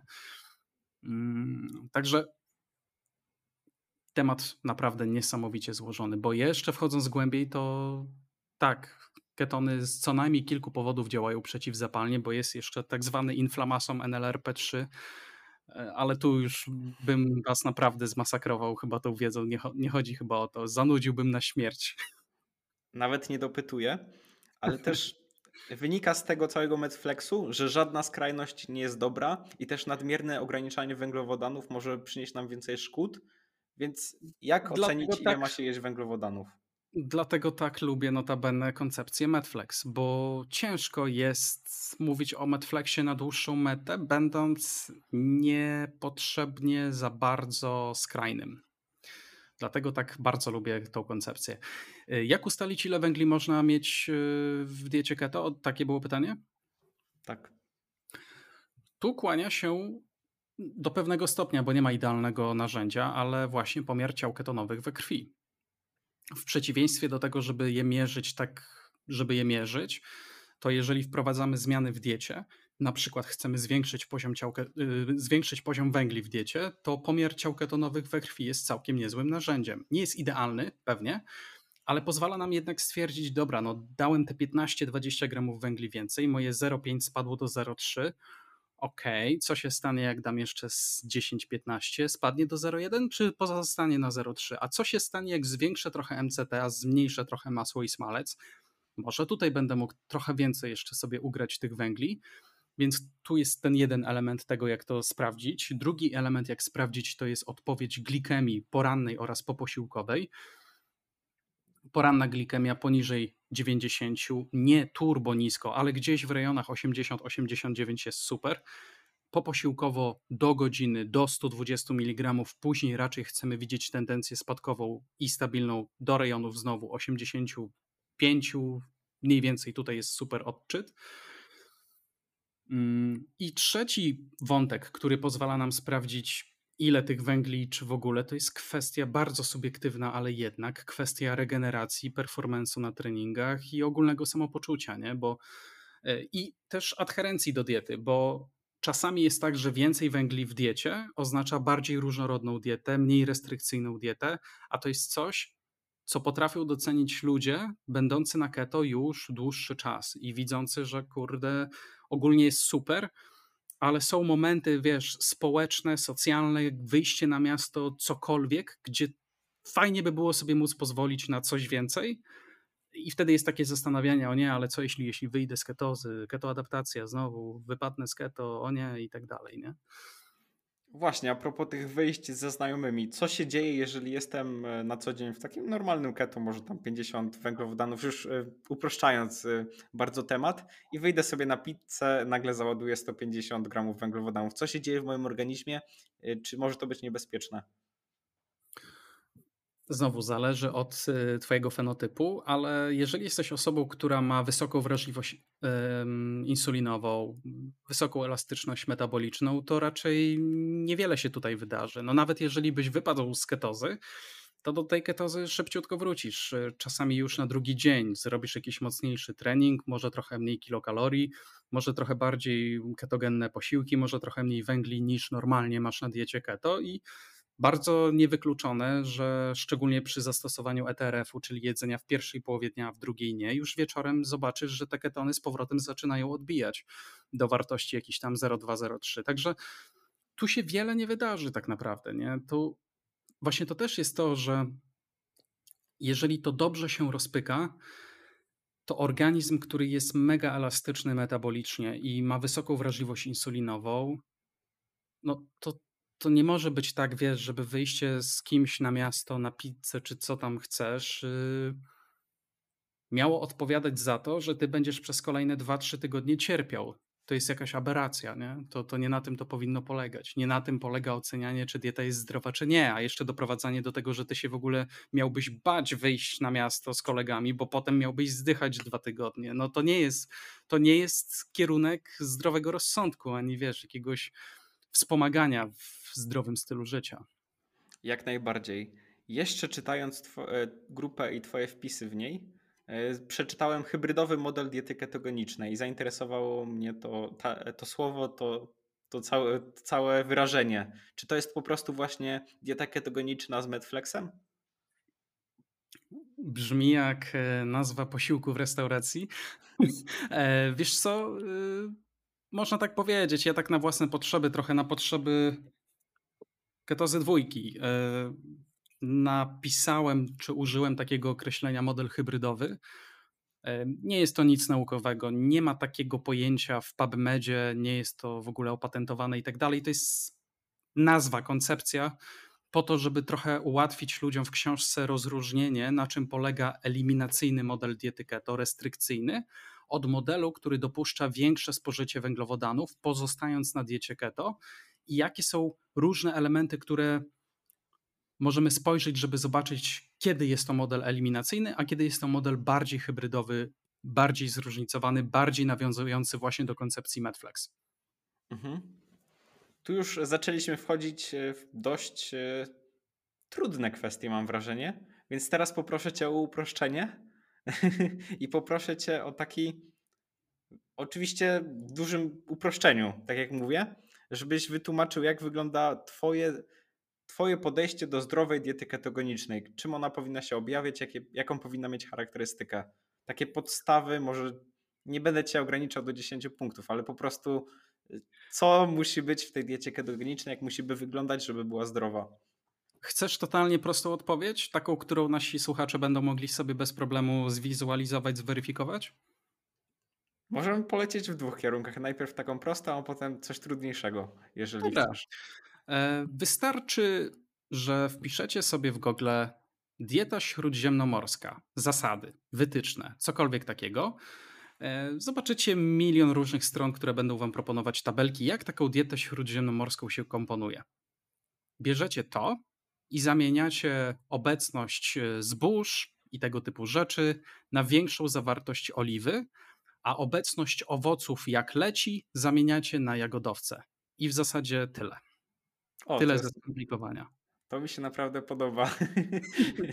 Czyli i teraz y, no takie praktyczne przykłady, no to wiesz, to tu jest dużo ryb w takiej diecie. Jest y, całkiem sporo nabiału, takiego dobrej jakości, po prostu w porządku nabiału. E, jest dużo mięsa, bardziej białego, ale czerwonego również. Nie jest to stricte w tym momencie dieta śródziemnomorska, tylko oparta o model diety śródziemnomorskiej żeby też mi tutaj purysta jakiś nie zarzucił, że to już nie jest Dawid dieta śródziemnomorska, bo to jest wyjście z tego modelu diety śródziemnomorskiej, to jest bazowanie na tym modelu. Jest dużo niskowęglowodanowych warzyw. Najbardziej proste, jakie można w sklepie dostać, to już są umyte, gotowe miksy sałat, tyle w temacie. Nie trzeba tutaj, wiesz, nie wiadomo jak się tam bardzo nad tym zastanawiać. Z owoców masz borówki, maliny, Generalnie im ciemniejsze, tym więcej polifenoli, na ile mi wiadomo, i to jest jak najbardziej w porządku. Jest trochę orzechów dobrej jakości. Z tłuszczów dolanych jest głównie oliwa i MCT. Nie sądzę, by było to jakoś turbo bardzo skomplikowane, przynajmniej w teorii, ale w praktyce też nie. Naprawdę ja jako taki typowy kuchenny troll, który nie ma ochoty, nie wiadomo jak tutaj, wiesz, kombinować w kuchni, bardzo sobie ceni właśnie tą dietę za jej prostotę czy można przesadzić e, z, z tłuszczami nienasyconymi i w ogóle wyeliminować e, nasyconej, czy to może być w jakiś sposób szkodliwe? E, przesadzić można ze wszystkim, natomiast czy można wyeliminować tłuszcze nasycone? Chyba nie. W normalnych życiowych warunkach się chyba tego nie da zrobić. To, to by musiała być chyba jakaś eksperymentalna dieta eliminacyjna. Normalnie się nie da tego zrobić. Natomiast y, nie wiem, czy dobrze odczytuję to, do czego pijesz, ale chciałbym bardzo mocno tu rozgraniczyć, że ja mówiąc o tłuszczach nienasyconych, nie mam na myśli tego, że sobie kujawski polewam do każdej sałatki na diecie śródziemnomorskiej keto. Nie, bardziej też myślę o tym, czy. Bo dużo mówisz tutaj, że w większości w zasadzie y, w złych podejściach jest to, że jest nadmiar tych nasyconych, a czy może być sytuacja, że będzie ich niedobór? Czy to jest możliwe? Ciężko mi sobie coś takiego wyobrazić, Przemek, z dwóch powodów. Po pierwsze, nie ma nasyconego kwasu tłuszczowego, który jest dla nas niezbędny. Po prostu nie ma niezbędnych nasyconych kwasów tłuszczowych, nie ma czegoś takiego, nie ma takiego pojęcia w odżywianiu. Natomiast druga sprawa jest taka, że no nawet na diecie śródziemnomorskiej masz długie nasycone kwasy tłuszczowe. W oliwie masz długie nasycone kwasy tłuszczowe. W no, w rybach masz długie nasycone kwasy tłuszczowe. To nie jest kwestia tego, że one są złe, to nie jest kwestia tego, że one są toksyczne, tylko jest kwestia tego, o jakie ilości tutaj się rozchodzi i jak dana osoba na to wszystko odpowiada. Wiesz, oliwa dobrej jakości ma w rejonach 70 gramów jedno nienasyconych. Czasami smalec może mieć w rejonach 50, 48, 52, 53 jednonienasyconych. Bardzo różnie. Ja tu bardzo w tym momencie to upraszczam, ale upraszczam to po to, by pokazać, że czasami ta różnica 20% albo 20 gramów na 100 gramów takiego produktu, podmiana tego, co jest głównym tłuszczem, czy jest to smalec, czy oliwa, te 20 gramów średnio różnicy potrafi zrobić diametralną różnicę, jeżeli chodzi o lipidogram albo jeżeli chodzi o poprawę skóry. Tu o to się rozchodzi. Tu się nie rozchodzi o to, że jest zakaz jedzenia smalcu, albo nakaz jedzenia oliwy, albo zakaz jedzenia oliwy. Nie? Okej, okay, rozumiem. Ja, ja, to też w niektórych swoich kursach tłumaczę jako tak zwany food pattern, wzorzec żywieniowy, czyli możesz ustawić wzorzec żywieniowy taki bardziej kierunek ten lub bardziej taki kierunek ten, ale to nie oznacza, że to jest zero-jedynkowe, wiesz, nakazywanie i zakazywanie. Taka mhm. bardziej ogólna tendencja, ogólny kierunek. Czy jedziesz bardziej na Gdańsk, czy bardziej na Zakopanem? Jasne. Też często w tej branży keto, znowu powiem branża keto, bardziej branża dietetyczna i z rozróżnieniem na keto, często tutaj mówi się o antyodżywczych własnościach różnego rodzaju warzyw. Czy Twoim zdaniem przeciętny obywatel chcący zadbać o zdrowie powinien w ogóle e, zastanawiać się nad, tak, zastanawiać się nad takimi kwestiami, czy może jest to mniej ważne? Z mojej perspektywy absolutnie jest to mniej ważne. E, dlatego, że jeżeli przeciętny obywatel e, zacznie się bać jedzenia nisko przetworzonych produktów generalnie, to na dłuższą metę może sobie zrobić kuku. E, albo przynajmniej niepotrzebnie nakładać na siebie jakieś tam restrykcje żywieniowe. No i wtedy z automatu przeciętny obywatel warto, żeby jednak skonfrontował jedno stanowisko z innym stanowiskiem i sprawdził literaturę, na ile kwas fitynowy lub inne antynutrienty mają rzeczywiście poparcie na zdrowych ludziach w długoterminowym stopniu, a nie na jakimś case reporcie z panią, co ma potężną anemię, nie na badaniach na szczurach, którym podaje się wyizolowane chore dawki rzędu tysiąca razy bardziej niż to, co występuje w orzechach czy w czymkolwiek innym. Ale jeżeli taki przeciętny człowiek tego nie zrobi, tylko usłyszy tą jedną stronę barykady, no to to jest właśnie pytanie o te nadmierne uproszczenia wtedy, nie? Ja osobiście nie uważam, żeby kwas fitynowy był przyczyną zła na świecie i przyczyną problemów metabolicznych, i nie uważam, żeby wypowiadanie wojny przeciwko roślinom i warzywom pod egidą kwasu fitynowego było czymś, co buduje zdrową relację z pożywieniem i taki stabilny sposób na, na zdrowy styl życia. Nie potrafię zobaczyć w tym sensu. Mhm. Czas na kolejne. Wiesz, tak? Y, Dobrze, tylko ostatnią rzecz. To jest Jasne. troszeczkę to, jak czasami możesz pójść. To jest fajne takie ćwiczenie intelektualne, które warto sobie robić, wydaje mi się. gdzieś tam w wolnych chwilach, e, zastanowić się, czy ja jako zwolennik karniwor byłbym w stanie obronić dietę wegańską. Jak bym to zrobił? Albo ja jako weganin, czy byłbym w stanie obronić dietę karniwor? Jak bym to zrobił? Co bym powiedział? I tak samo w drugą stronę, co ja jako weganin robię tak, że zniechęcam innych do tego, albo co ja jako karniwor robię tak, że zniechęcam innych do tego. Jest naprawdę bardzo fajne ćwiczenie intelektualne, które każdemu polecam, nie? Bo potem jest niesamowita ironia losu, gdy człowiek zobaczy, że wiele cech wspólnych jest pomiędzy fanatykami karniwora, a fanatykami wegaństwa. Tu i tu są straszne składniki, tylko straszne składniki są albo w mięsie, albo w warzywach. Nie? Natomiast element strachu i restrykcyjności, eliminacyjności, wypowiadania wojny przeciwko czemuś tam, przeciwko całym przemysłom, dobudowywanie do tego jakichś tam spisków i korporacji, jest naprawdę paradoksalnie dużo wspólnych y, znaków. To może następny podcast. dlaczego warto wejść na dietę karniwor? W nawiasie ćwiczenie intelektualne. Teraz chciałbym Ci zadać kolejne pytanie pod algorytm, pod miniaturkę. Chciałbym Już cię się boję. Chciałbym Cię poprosić po, o pięć najlepszych Twoim zdaniem produktów, których nie powinno zabraknąć na keto. To jest najtrudniejsze pytanie, jakie możesz zadać. To, to 10, prawda. niech będzie 10. Dzięki, od razu łatwiej. nie powinno zabraknąć na diecie keto. Ha. Myślę, że jajka są super produktem. Myślę, że nabiał jest super produktem. E, oliwa z oliwek. No, oliwy nie mogą zabraknąć. Nie mogą zabraknąć, jest naprawdę świetna pod wieloma względami. Nie tylko sam profil kwasów tłuszczowych, ale polifenole, witaminy, ilość RCT-ków zrobionych na oliwie, generalnie good. Mm, to mamy trzy. Czwarte, myślę, że jagodowce są super. Borówki, jagody ciemne, sztosik, jarzyny. Mm. To mamy cztery. Mhm. Ryby. Ryby i owoce morza. To jest pięć. I tak szczerze mówiąc, wiesz co, na tym można zbudować już cuda. No bo teraz 6 to już mnie tutaj korci, żeby wchodzić w temat warzyw niskowęglowodanowych i błonnika, nie? Tylko tu za chwilę otworzymy puszkę Pandory, czy błonnik jest niezbędny, czy nie jest niezbędny i to jest jedyne kryterium do rozważania na temat błonnika.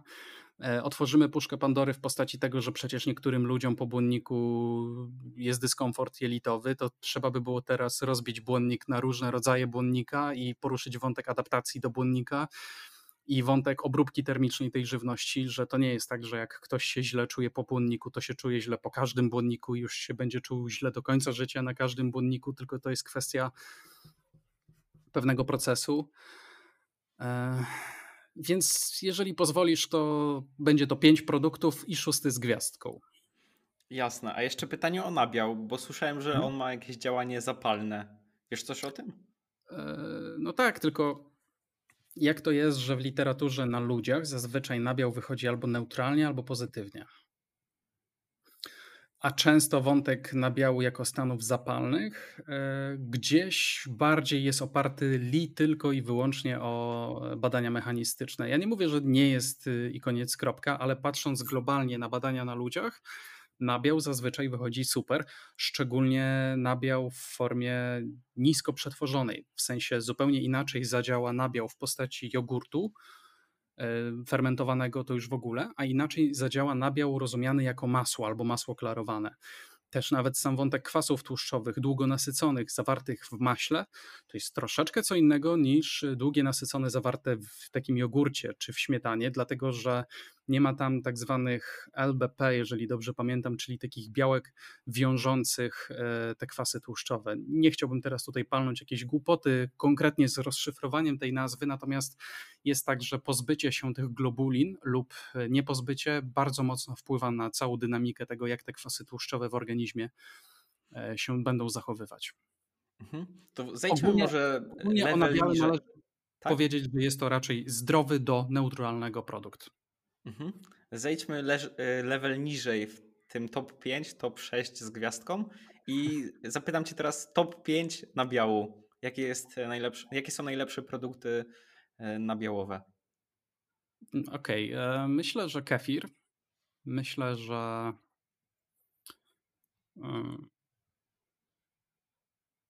bardzo w porządku będzie każdego rodzaju ser.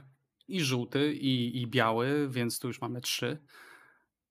W zasadzie wiesz, no nawet ta śmietana, ok, na czwartym miejscu niech będzie, przy czym ja bym tutaj zawsze no, rozważał to w dwóch kategoriach. W kategoriach podaży kilokalorii i w kategoriach lipidogramu, no bo no siłą rzeczy im więcej będzie problemów z lipidogramem, tym bardziej chciałbym jednak iść w kierunku zmniejszenia nadmiernej podaży długich nasyconych, zwłaszcza jeżeli miałbym osobę, u której widzę, że rośnie poziom, rośnie poziom ApoB wraz ze wzrostem spożycia długich nasyconych kwasów tłuszczowych, bo da się to bardzo łatwo sprawdzić w momencie, kiedy masz indywidualną współpracę dietetyczną. Ja też jeszcze bym chciał Cię zapytać o mascarpone, bo myślę, że często jest nadużywane na diecie ketogenicznej. I to, to po prostu jest chyba to jest po prostu chyba taka energia, nie ma to do, za dużo gęstości odżywczej. Czy się mylę?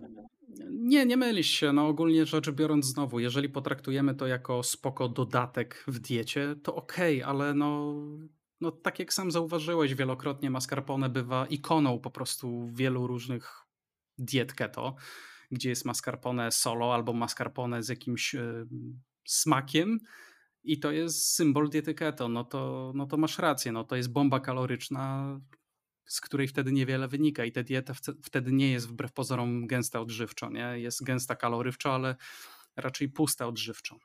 Mhm. Także zgadzam się, że mascarpone jest ciekawym produktem jako dodatek, ale ma potencjał do dużego nadużywania. Właśnie, może zrobimy jeszcze takie top nadużywanych produktów na diecie ketogenicznej. No, to by było ciekawe. Myślę, że jakieś wędliny też mogłyby tutaj pójść.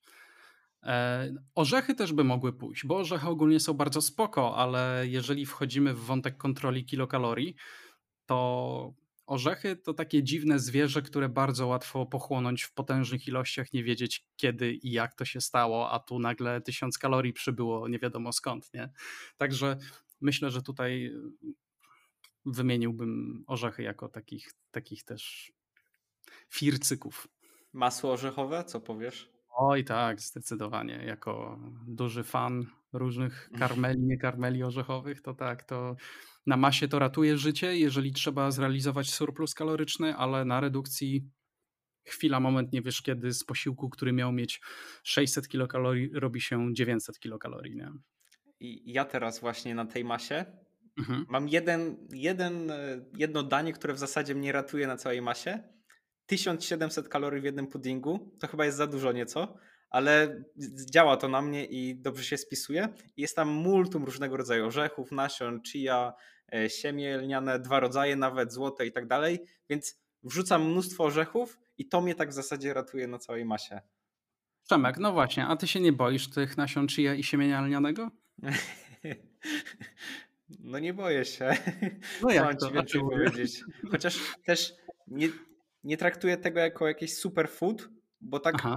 Słyszałem na przykład, że chia ma dużo wapnia, ale ten wapń się prawie w ogóle nie wchłania, więc nie traktuję tego jako podstawę diety, ale po mhm. prostu dobicie kalorii. Jasne, jasne. Ale nie traktujesz tego jako nagły spadek testosteronu i w ogóle złodzieja wszystkich składników odżywczych w swoim organizmie. Nie, nie. Widzisz, a dlaczego nie? No przecież na pewno sam niejednokrotnie natrafiłeś na takie sygnały i informacje.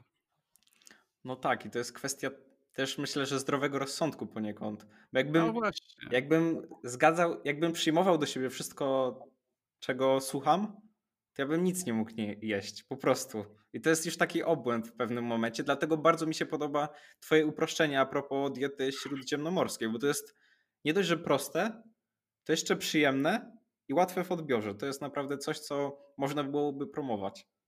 I bardzo się cieszę, że tak właśnie mogłem Ciebie o to zapytać, bo teraz w drugą mańkę zobacz, czy ilość wiedzy, którą masz, ale nie zdrowym rozsądkiem i praktyką, czyli prowadząca do tego, że nie mógłbyś nic jeść, to byłaby wiedza, którą warto mieć? No niezbyt. No niezbyt. No i to jest całe clue Dobropolskiego i naszego tutaj tanga pierwszej części rozmowy, nie?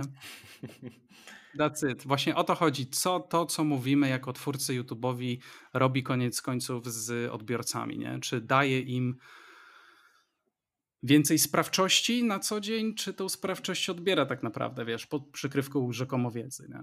Tak, dokładnie. Ja niejednokrotnie już się spotkałem z komentarzem, że już zgupiałem, nie wiem w ogóle komu wierzyć y, i tak dalej, więc to nie jest y, tylko moja kwestia, tylko to się powtarza często. Jest to częste zjawisko. Tak, i wiesz co, i, i powiem ci, że w całej tej podróży też yy, w świecie keto, że tak powiem, czy nawet nawiązując do Twojego pytania, co bym sobie zarzucił, yy, myślę, że też yy, no, fajną taką pętlą wraca to, że dzisiaj również jednym z powodów, dla których bardzo jara mnie Netflix, jest to, że nawet jeżeli ktoś PAL 6, jaką ma dietę, jest cała masa innych, czasami dużo ważniejszych rzeczy, chociażby trening. I nawet jeżeli ktoś już ma dosyć gadania o tej diecie i tym wszystkim, niech trenuje. Niech się dużo rusza i niech się w tym zakocha tak, żeby niezależnie od tego, czy chce być na jakiejkolwiek diecie, czy nie, żeby trenował. Tak, miałem cię właśnie dopytać. wiesz, i tak dalej, nie? Właśnie pod koniec miałem cię o to dopytać, bo z twoich ostatnich wpisów zinterpretowałem je właśnie w ten sposób, że coraz bardziej ty zauważasz jako autor wpisu, że większą, większą wagę w zdrowiu ma aktywność fizyczna, a mniejszą dieta. Zaraz myślę, że to poruszymy, a jeszcze chcę domknąć temat jedzenia i diety i zapytać cię o skład jednego ciastka, które jest bardzo, nie wiem czy bardzo popularne, ale nawet znane w kręgach keto. W mojej rodzinie to jemy je hurtowo, wręcz moja mama tylko przychodzi z torbami tych ciastek, więc chcę cię zapytać o skład tych ciastek. Przeczytam no. ci go i powiedz mi, czy czegoś się można obawiać, bo ja, ja tak patrzę na ten skład i wydaje się bardzo w porządku, a jednocześnie Dawaj. jest to bardzo smaczne ciastko. Więc no. pasta z orzechów archaidowych 35%, błonnik z cykorii i nulina, mąka z orzechów archaidowych 25%, orzechy archaidowe 6%, nasiona chia 2%, emulgator lecytyny z rzepaku, sól himalajska. Spoko. Jeżeli nie czujesz e, dziwnego dyskomfortu w jelitach, na przykład po inulinie, wzdęć i tego typu historii. Chociaż nawet gdybyś czuł, to nie jest to kwestia od razu, że nie wolno i masz to wywalić do kosza, tylko może trochę mniej, może trochę spokojniej zwiększyć tą ilość w ciągu jakiegoś tam okresu. Ale całkiem spoko skład. Oczywiście, jakbyś chciał, to ja cię mogę teraz nastraszyć, że jak rzepak to kwas erukowy, że jak opakowanie plastikowe to bisfenol A i w ogóle no co ty, Przemek. Sobie tak posłuchasz tego i pomyślisz, ja pierdzielę, co za gość odklejony. Ale właśnie martwiły mnie trochę te lecytyny z rzepaku. Nie mam pojęcia, co to jest. I też właśnie, patrzyłem też, e, patrzyłem na twoje produkty i też w nich się znajduje lecytyna z rzepaku. No tak, dlatego że niektóre produkty wymagają na przykład emulgacji do tego, żeby ten tłuszcz nie wytrącał się pod, po jakimś tam czasie, tylko żeby zachował tą swoją konsystencję. Ale to, to nie jest jakiś toksyna albo coś, co ci będzie szkodzić i cię truć. Wiesz, to jest też jakieś, jakaś paranoja już po prostu w niektórych miejscach, gdzie nie wiem, no straszymy ludzi metalami ciężkimi w rybach, jednocześnie paląc fajki. No, to jest jakaś aberracja po prostu, nie? że i potem, potem robi się takie dychotomiczne podejście, że kiedy jest dieta, to ja się martwię o bisfenol i, i, i kwas fitynowy, ale już tak pomijając dietę, to wiesz, co wieczór piwko, imprezka i fajeczka. No. Nie, nie, to nie tak, to nie tędy. Hierarchia ważności myślę, że właśnie w tych czasach e, ma swój kryzys i to właśnie to jest tylko jedna, jedna ze sfer, w których ma ten kryzys, ale jeszcze właśnie inulina. Inulina to jest e, taki zdrowszy słodzik, można powiedzieć? E czy zdrowszy to nie mnie oceniać, bo można by było długo filozofować. Zdrowszy od czego, zdrowszy w porównaniu z czym i tak dalej, ale inulina to też jest forma błonnika rozpuszczalnego w wodzie, który ma dużo ciekawych właściwości pozytywnych, przy czym jest dość silnie fermentującym lub wzdymającym u niektórych ludzi, więc y, ja może nie tyle jestem przeciwnikiem inuliny, ile lubię zwracać uwagę na to, że jeżeli ktoś dużo jej spożywa lub zamierza spożywać, to wolę uprzedzić, żeby nie przesadzić, nie przegiąć za bardzo i od razu, bo no może być po prostu dyskomfort, może być nieprzyjemnie, nie? Mhm, I potem jasne. będzie, że błonnik szkodzi i zabija. Uproszczenia. Dobrze, no. więc teraz już możemy przejść, myślę, że do tego sportu. Jak to się stało, że zmieniasz swoje postrzeganie na ten temat? Y, rozwin myśl, bo nie do końca rozumiem. Że coraz bardziej zauważasz, że aktywność fizyczna jest ważniejsza od diety i jeżeli ktoś okay. ma się na czymś skupić w kontekście zdrowotnym, to ma to być bardziej aktywność fizyczna, a nie zastanawianie się, czy ile procent y, niejedno nasyconych i tak dalej. Więc jak do tego okay. doszło, że zmieniasz okay. swoje postrzeganie? Przeczytałeś coś, czy jak to wygląda? Wiesz co, dużo pracy z ludźmi się na to nałożyło. Oczywiście, jeśli chodzi o literaturę, to znajdziemy pracę, gdzie to trening siłowy, a najlepiej trening wytrzymałościowy plus siłowy. W ogóle jeszcze jak się mierzy VO2 max, to już w ogóle ma dużo związku z obniżeniem całkowitej śmiertelności. E, natomiast wiesz, na to nakłada się też taka kwestia, że dieta pomoże ci do jakiegoś tam stopnia, ale bardziej już nie pomoże, nie? I pod kątem nawet wrażliwości insulinowej, no możemy tam wprowadzić fajny deficyt, coś tam, coś tam, ale jeżeli chcemy naprawdę wykorzystać potencjał i cały arsenał możliwości, to trening siłowy na GLUT4, na receptory różne, na wrażliwość insulinową naprawdę robi super robotę. Możemy ustawić fajną dietę, ale jeżeli nie przystymulujemy organizmu treningiem siłowym, to nie jestem pewien, czy sama dieta wystarczy do tego, żeby zachować masę mięśniową na całe lata życia i na starość. Wiesz, na to dokłada się taka brutalna praktyka też i praca z ludźmi, gdzie jeżeli ktoś ma mało ruchu i chce schudnąć, chce zredukować tkankę tłuszczową w trwały sposób, to jeżeli ma mało ruchu, to ma niską całkowitą przemianę materii. Więc, żeby chudnąć, musi mieć bardzo mało podaż kilokalorii w diecie.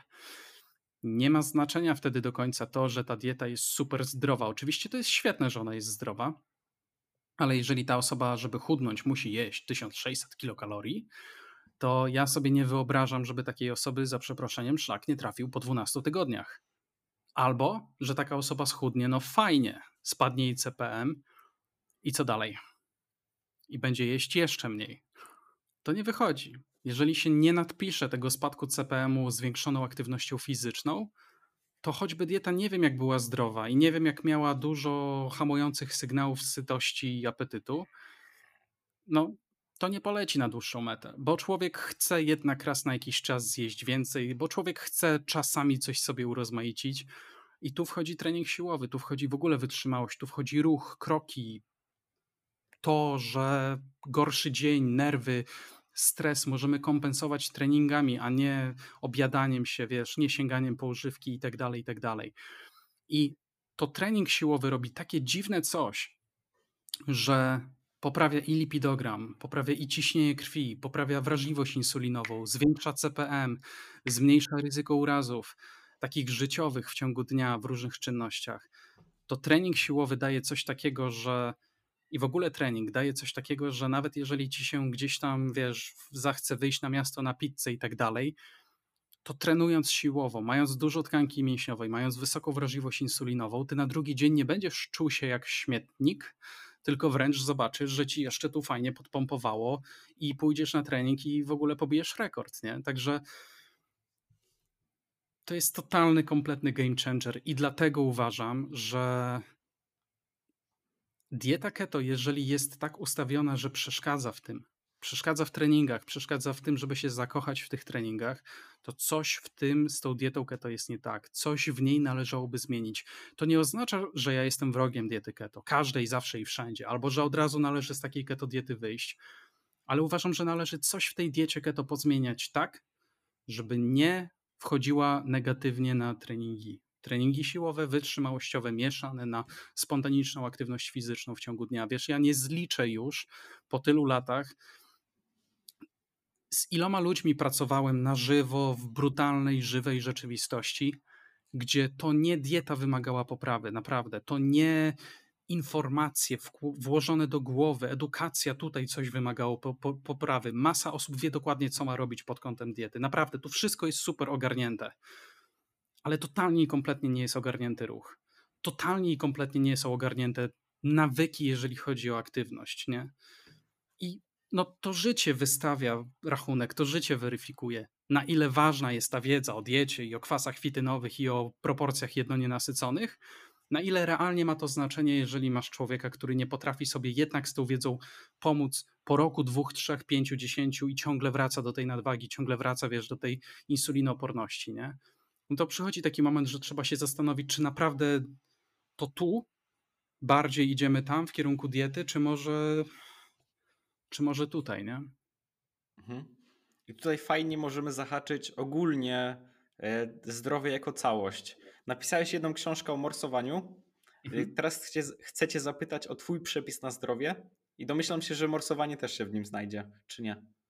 Y, tak, natomiast na pewno nie będę osobą, która każdemu zawsze i wszędzie to morsowanie będzie wciskać, ale jest to na pewno bardzo fajne, obiecujące narzędzie. Jest to stres krótkoterminowy, który długoterminowo podnosi zasoby odpornościowe, który pomaga we wrażliwości insulinowej, który też buduje taką pewność siebie, bo wiesz, to też fajnie po prostu poprawia mental, jak wchodzisz do tej lodowatej wody w jakiś deszczowy, ponury dzień, kiedy już mózg ci mówi, że ja tego nie zrobię, że zapomnij stary, jeszcze w jakimś ciemnym lesie, a ty to kurde robisz i, i, i wiesz, że dałeś radę, to jest naprawdę niesamowite. Natomiast y, jeżeli pytasz mnie ogólnie o, o zimno, to ono też może być bardzo fajnym narzędziem, ale może być też nadużywane. Właśnie, a propos tego zimna, to jest to też poniekąd sposób na rozwój, można powiedzieć, osobisty, na poznanie tego, że ten głos w twojej głowie nie zawsze jest tobą, że czasem coś mówi, czego ty nie chcesz. To jest naprawdę świetne narzędzie do poznania siebie po prostu. I rozmawialiśmy o tym e, z Dominikiem Makowskim na osta w ostatnim podcaście dość szeroko, więc zachęcam. Ty chcesz jeszcze coś tu dodać, widzę w tym temacie? E, że to, co mówisz, ma wiele wspólnego z treningiem siłowym. Wielokrotnie twój mózg może też mówić, że dzisiaj jest do dupy dzień, że nie dasz rady, że w ogóle coś tam a ty idziesz pomimo tego i często wychodzi na to, że ten trening w ogóle był jednym z lepszych treningów nie? i że tak. warto było jednak pójść i się przemóc. Tak, to jest antidotum na XXI wiek w wielu przypadkach. Absolutnie. Joe Rogan w ogóle mówi, że 90% sukcesu to po prostu się pojawić i sama obecność zrobi resztę. Tak, y, absolutnie. Powiem ci, że ja Jezu, nie zliczę ile razy miałem tak, że myślałem, że to będzie najgorszy trening w moim życiu, a po pierwszej serii wiedziałem, że to będzie jeden z najlepszych treningów w moim życiu. No. To jest ciekawe, naprawdę. Ale dobrze, więc jeszcze ten twój przepis na zdrowie. Załóżmy, mhm. jest prezydent, widzi Dawida Dobropolskiego na YouTubie i myśli, ale ten gościu ma wiedzę. Muszę, muszę jakoś dać mu szersze pole do popisu i daje ci 5 minut w państwowej telewizji, żebyś przekazał wszystkim, jak żyć zdrowo. Więc powiedziałbyś na pewno o diecie, o aktywności fizycznej, o morsowaniu. Czy coś jeszcze byś zawarł w, tym, e, w tych pięciu minutach? W tym Dobropolski TV. E, morsowanie, trening siłowy, sen, aktywność, tak. O nisko, sen, bardzo ważny. Tak, nisko przetworzona żywność. Dodałbym, wiesz co, może dwie rzeczy. Jedna mało kontrowersyjna chyba, a druga trochę bardziej. E, mało kontrowersyjna rzecz to podłączenie się pod jakąś grupę w żywym świecie, żywych ludzi. Totalnie nie musi być to wątek diety, nie, nie, nie chodzi mi o to. Niech to będzie jakiś klub sportowy, niech to będzie jakiś klub strzelecki, niech to będzie cokolwiek takiego, co podłącza cię pod jakąś żywą społeczność żywych, istniejących ludzi w realnym świecie. Nie jestem w stanie ocenić, jak bardzo jest to potrzebne dzisiaj, kiedy jesteśmy totalnie odłączeni w wielu miejscach. Myślę, że to chyba nie jest nic kontrowersyjnego. E, czy właśnie nawet na siłkę się zapisać, nie? I jakąś tam, chociaż jednego mieć jakiegoś partnera lub partnerkę treningową.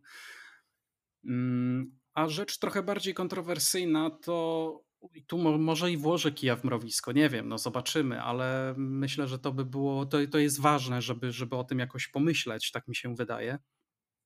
Nie ma to jak się wypowiadać na tematy, w których się nigdy nie siedziało, nie? No ale jak mnie prezydent zapyta, to spoko, to powiem, że rozważyłbym, panie prezydencie, czy na pewno jako ludzie, społeczność, obywatele powinniśmy mieć tak ułatwiony dostęp do wszelkiej maści jedzenia?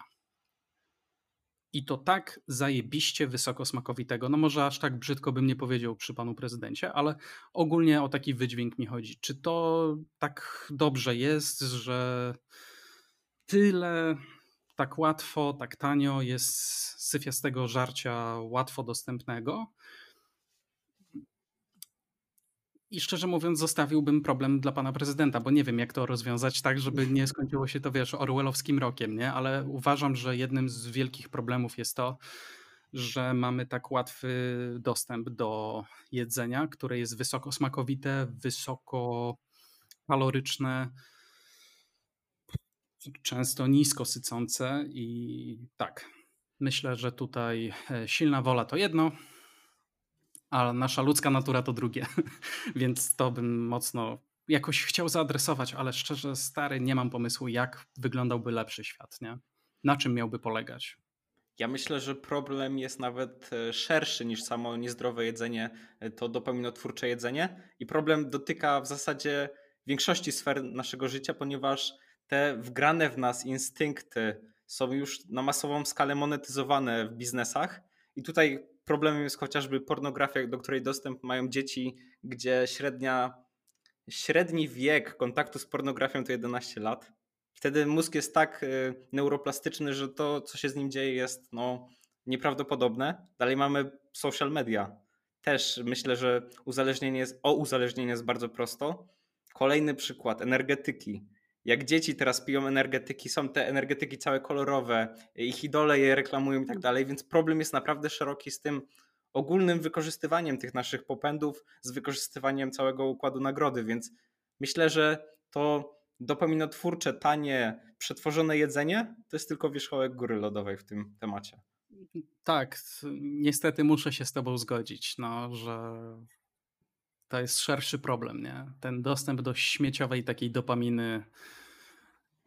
E, wiesz co, troszeczkę widzę w tym taką analogię do diety keto nawet, że właśnie fajnie jest myśleć o krótkoterminowych poprawach, e, bo mi się lepiej śpi, bo mi się skóra poprawiła, bo coś tam, coś tam, bo mi smakuje jedzonko już i w ogóle nie mam zjazdów w ciągu dnia. Fajnie, tylko żeby jeszcze długoterminowo nie rozwaliło to zdrówka i, i by było win-win. I tak samo trochę jest tutaj, nie? że może za mało myślimy o skutkach długoterminowych, takich krótkoterminowych dopaminek, nie? Tak.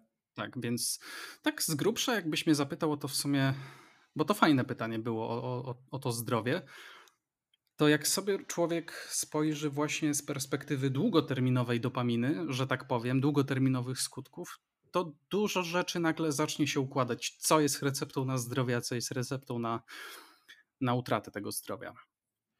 Tak, dokładnie tak. Ogólnie też mówiłeś o socjalizowaniu się.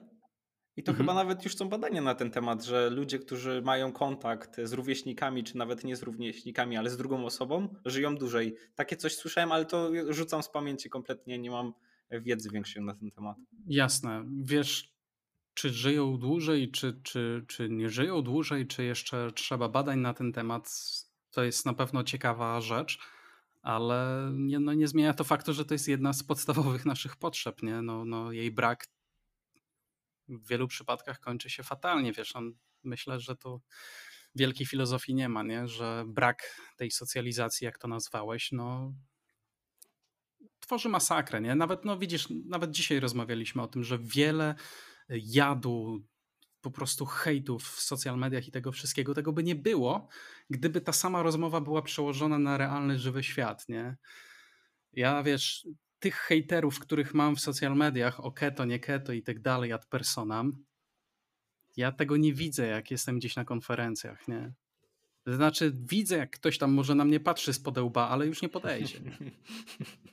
A szkoda, bo chciałbym porozmawiać, chciałbym zrozumieć, co jest nie tak. Wiesz, jaki ktoś ma do mnie problem, żebym mógł to zrozumieć, żeby porozmawiać, bo może się czegoś dowiem, może e, coś będziemy mogli wyjaśnić, jakieś nieporozumienie, jakąś perspektywę poszerzyć. Nie?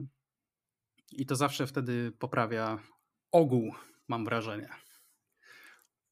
A to nawet nieraz w internecie się zdarza, że ktoś pisze jakiś e, właśnie emocjonalny komentarz, który w ogóle nie ma warstwy merytorycznej I jak e, twórca napisze spokojnie, że tam e, czy możesz rozwinąć myśl, czy coś w ten deseń, to ta osoba jest rozbrojona i nie podaje nic dalej, nie ma żadnych argumentów, więc to już też widać w internecie. Zauważyłem. No tak, tak, tak. Czasami gdzieś tam w komentarzach na YouTubie zdarzyło mi się wejść w interakcję licząc na rzeczowe coś, a tak okazywało się, że tu chodziło o to, żeby po prostu się, że tak powiem, frustracją na mnie wyżegać i sobie pójść dalej. No, no to okej, okay, no, no to spoko, tylko ja nie jestem wiadro, żeby takie coś na kanale trzymać, nie? Ale tak, tak, no to myślę, że ta ilość y, hejtu i tak dalej to też jest jakiś objaw czegoś tam, nie? Mm, ogólnie właśnie braku kontaktów międzyludzkich, braku tego, że człowiek czasami sam nie dba o swoje zdrowie. Gdzieś widziałem takie badania, że generalnie problemy zdrowotne często rzutują na interakcje społeczne. No i w sumie to nie jest w ogóle jakoś tam szokujące. Nie? Raczej ludzie, którzy są zdrowi, szczęśliwi, no nie będą hejtować i, i wiesz, i próbować innych jakoś tam niszczyć. Nie? Tak. Jesteśmy jednym wielkim e, systemem naczyń połączonych, tak bym to skwitował. Hashtag I... The Last of Us. I teraz bym cię jeszcze dopytał. Wiesz, jaki segment jest zawsze na końcu? E, tak, tylko nie wiem, czy nauczyłem się czegoś nowego od czasu no. ostatniej naszej rozmowy, bo nie było tak dużo czasu na tą naukę. No właśnie miałem cię zapytać, czy jakaś nowa porażka była, czy nie? Jeżeli nie, to myślę, że możemy sobie ominąć. Kurde, wydaje mi się, że nie. No, spróbuję następnym razem więcej, szybciej się mylić. I bardziej i mocniej. No, nie, wszystko jest w porządku, niestety. Niestety nie mam odpowiedzi na to pytanie. I bardzo dobrze. Tego życzę, myślę, że każdemu z moich gości.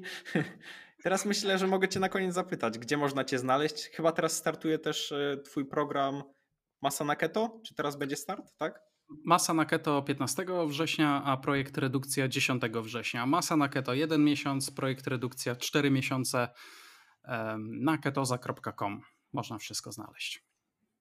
Okej, okay, jeszcze jak, jak chcesz, to możesz podać inne sociale. Ja tu daję Ci teraz przestrzeń do reklamy. Nie, wystarczy, myślę, tyle. No, dobropolski.com, tam też znajdziecie takie różne e, linki inne. Nie? Czy to do mhm. poradni Chodź na Keto, czy to właśnie do mnie na konsultacje prywatne, czy to właśnie do sklepu ketoza.com, czy na jakieś tam kursy. Więc kto chce, to na ketoza.com zapraszam, kto chce na dobropolski.com, ale wszystko jest połączone, więc jak to sam nazwałeś, w system naczyń połączonych. Tak jest. Ja tradycyjnie zostawię linki w opisie. I muszę ci powiedzieć, że to była trudna rozmowa, ale trudna oznacza, że jednocześnie dużo się nauczyłem. Tak e, też w tej roli jednak się nie odnajduję takiej uszczypliwej, muszę ci powiedzieć. Ale to fajnie, to mnie cieszy, bo miło. E, to miło wiedzieć, że nie chcesz być, wiesz, typowym takim graczem pod algorytmy a widzę, że dużo ludzi jednak chce to robić, nie? Chce to uprościć, chce rzucać mięsem, chce mielić konflikty i na konfliktach monetyzować, więc fajnie wiedzieć, że YouTube nie jest jeszcze stracony. Też mam wrażenie, że algorytm gloryfikuje takie zachowania. Uprościsz trochę, pojawi się więcej wyświetleń, to masz od razu motywację, żeby uprościć jeszcze bardziej, jeszcze bardziej i w końcu budzisz się za ręką w nocniku. Po prostu. Tak, tak, tak, tak. tak ale jak widać, nie wszystko i nie wszyscy jeszcze. Tak jest, tak jest. Oby tak zostało, więc bardzo Ci jeszcze raz dziękuję za podcast. Zachęcam też do obejrzenia naszej ostatniej rozmowy o budowaniu masy mięśniowej na keto. Było głównie o tym, ale myślę, że dla osób, którzy nie budują masy mięśniowej, też się coś tam znajdzie. Tak, myślę, że tak. Chociażby to, że miałem krótsze włosy. ja tak samo. Także y, Przemek, no może algorytm nie, ale może się jakaś firma z szamponem do ciebie odezwie, będziemy mogli zareklamować. może Na podcaście tak. szybciej włosy rosną. Masa Dzięki nie... również mi też było bardzo miło. E, sam jestem ciekaw odbioru tego podcastu, dlatego że pierwsza część wydaje mi się, że była takim właśnie taką, takim shadow dance sparingiem. A druga część też była ciekawa, bo mniej oczywista, mniej jednych prostych trików na Netflix. A chciałbym też zauważyć, że czasami widzę takie nadużywania w social mediach, jakoby z samego faktu bycia na diecie keto po pewnym czasie rozwija się Netflix. Gdzieś ostatnio znalazłem taką wypowiedź. No to tak nie jest do końca, że dieta keto gwarantuje Netflix. Dieta keto może Netflix upośledzić jeżeli upośledzi wrażliwość insulinową chociażby, nie? albo jeżeli nie będzie zachęcać do aktywności fizycznej, albo wiesz, jeżeli będzie no, nie wyprowadzać z tej nadwagi, albo wręcz ją pogłębiać. Także fajnie, że mogliśmy, że dałeś też mi przestrzeń na to, by pokazać, że Medflex jest o wiele szerszy niż dieta i niż dieta keto, bo to jest coś, na czym mi zależy. To nie jest dieta na Medflex. To jest bardzo konkretny sposób podejścia do swojego zdrowia, gdzie dieta jest tylko jednym z elementów, ma bardzo konkretne elementy. Ten element diety i warto wiedzieć, jak go układać tak, żeby sobie nie popsuć tego zdrowia, tylko je wspomagać. Więc dzięki, miło. Ja też się cieszę, że byłeś chętny i szybko się tu ugadaliśmy, e, bo tak zauważyłem też, jak nagrywam podcasty, żeby załatwić nowego gościa, tak muszę się napisać, muszę wysyłać kolejne maile.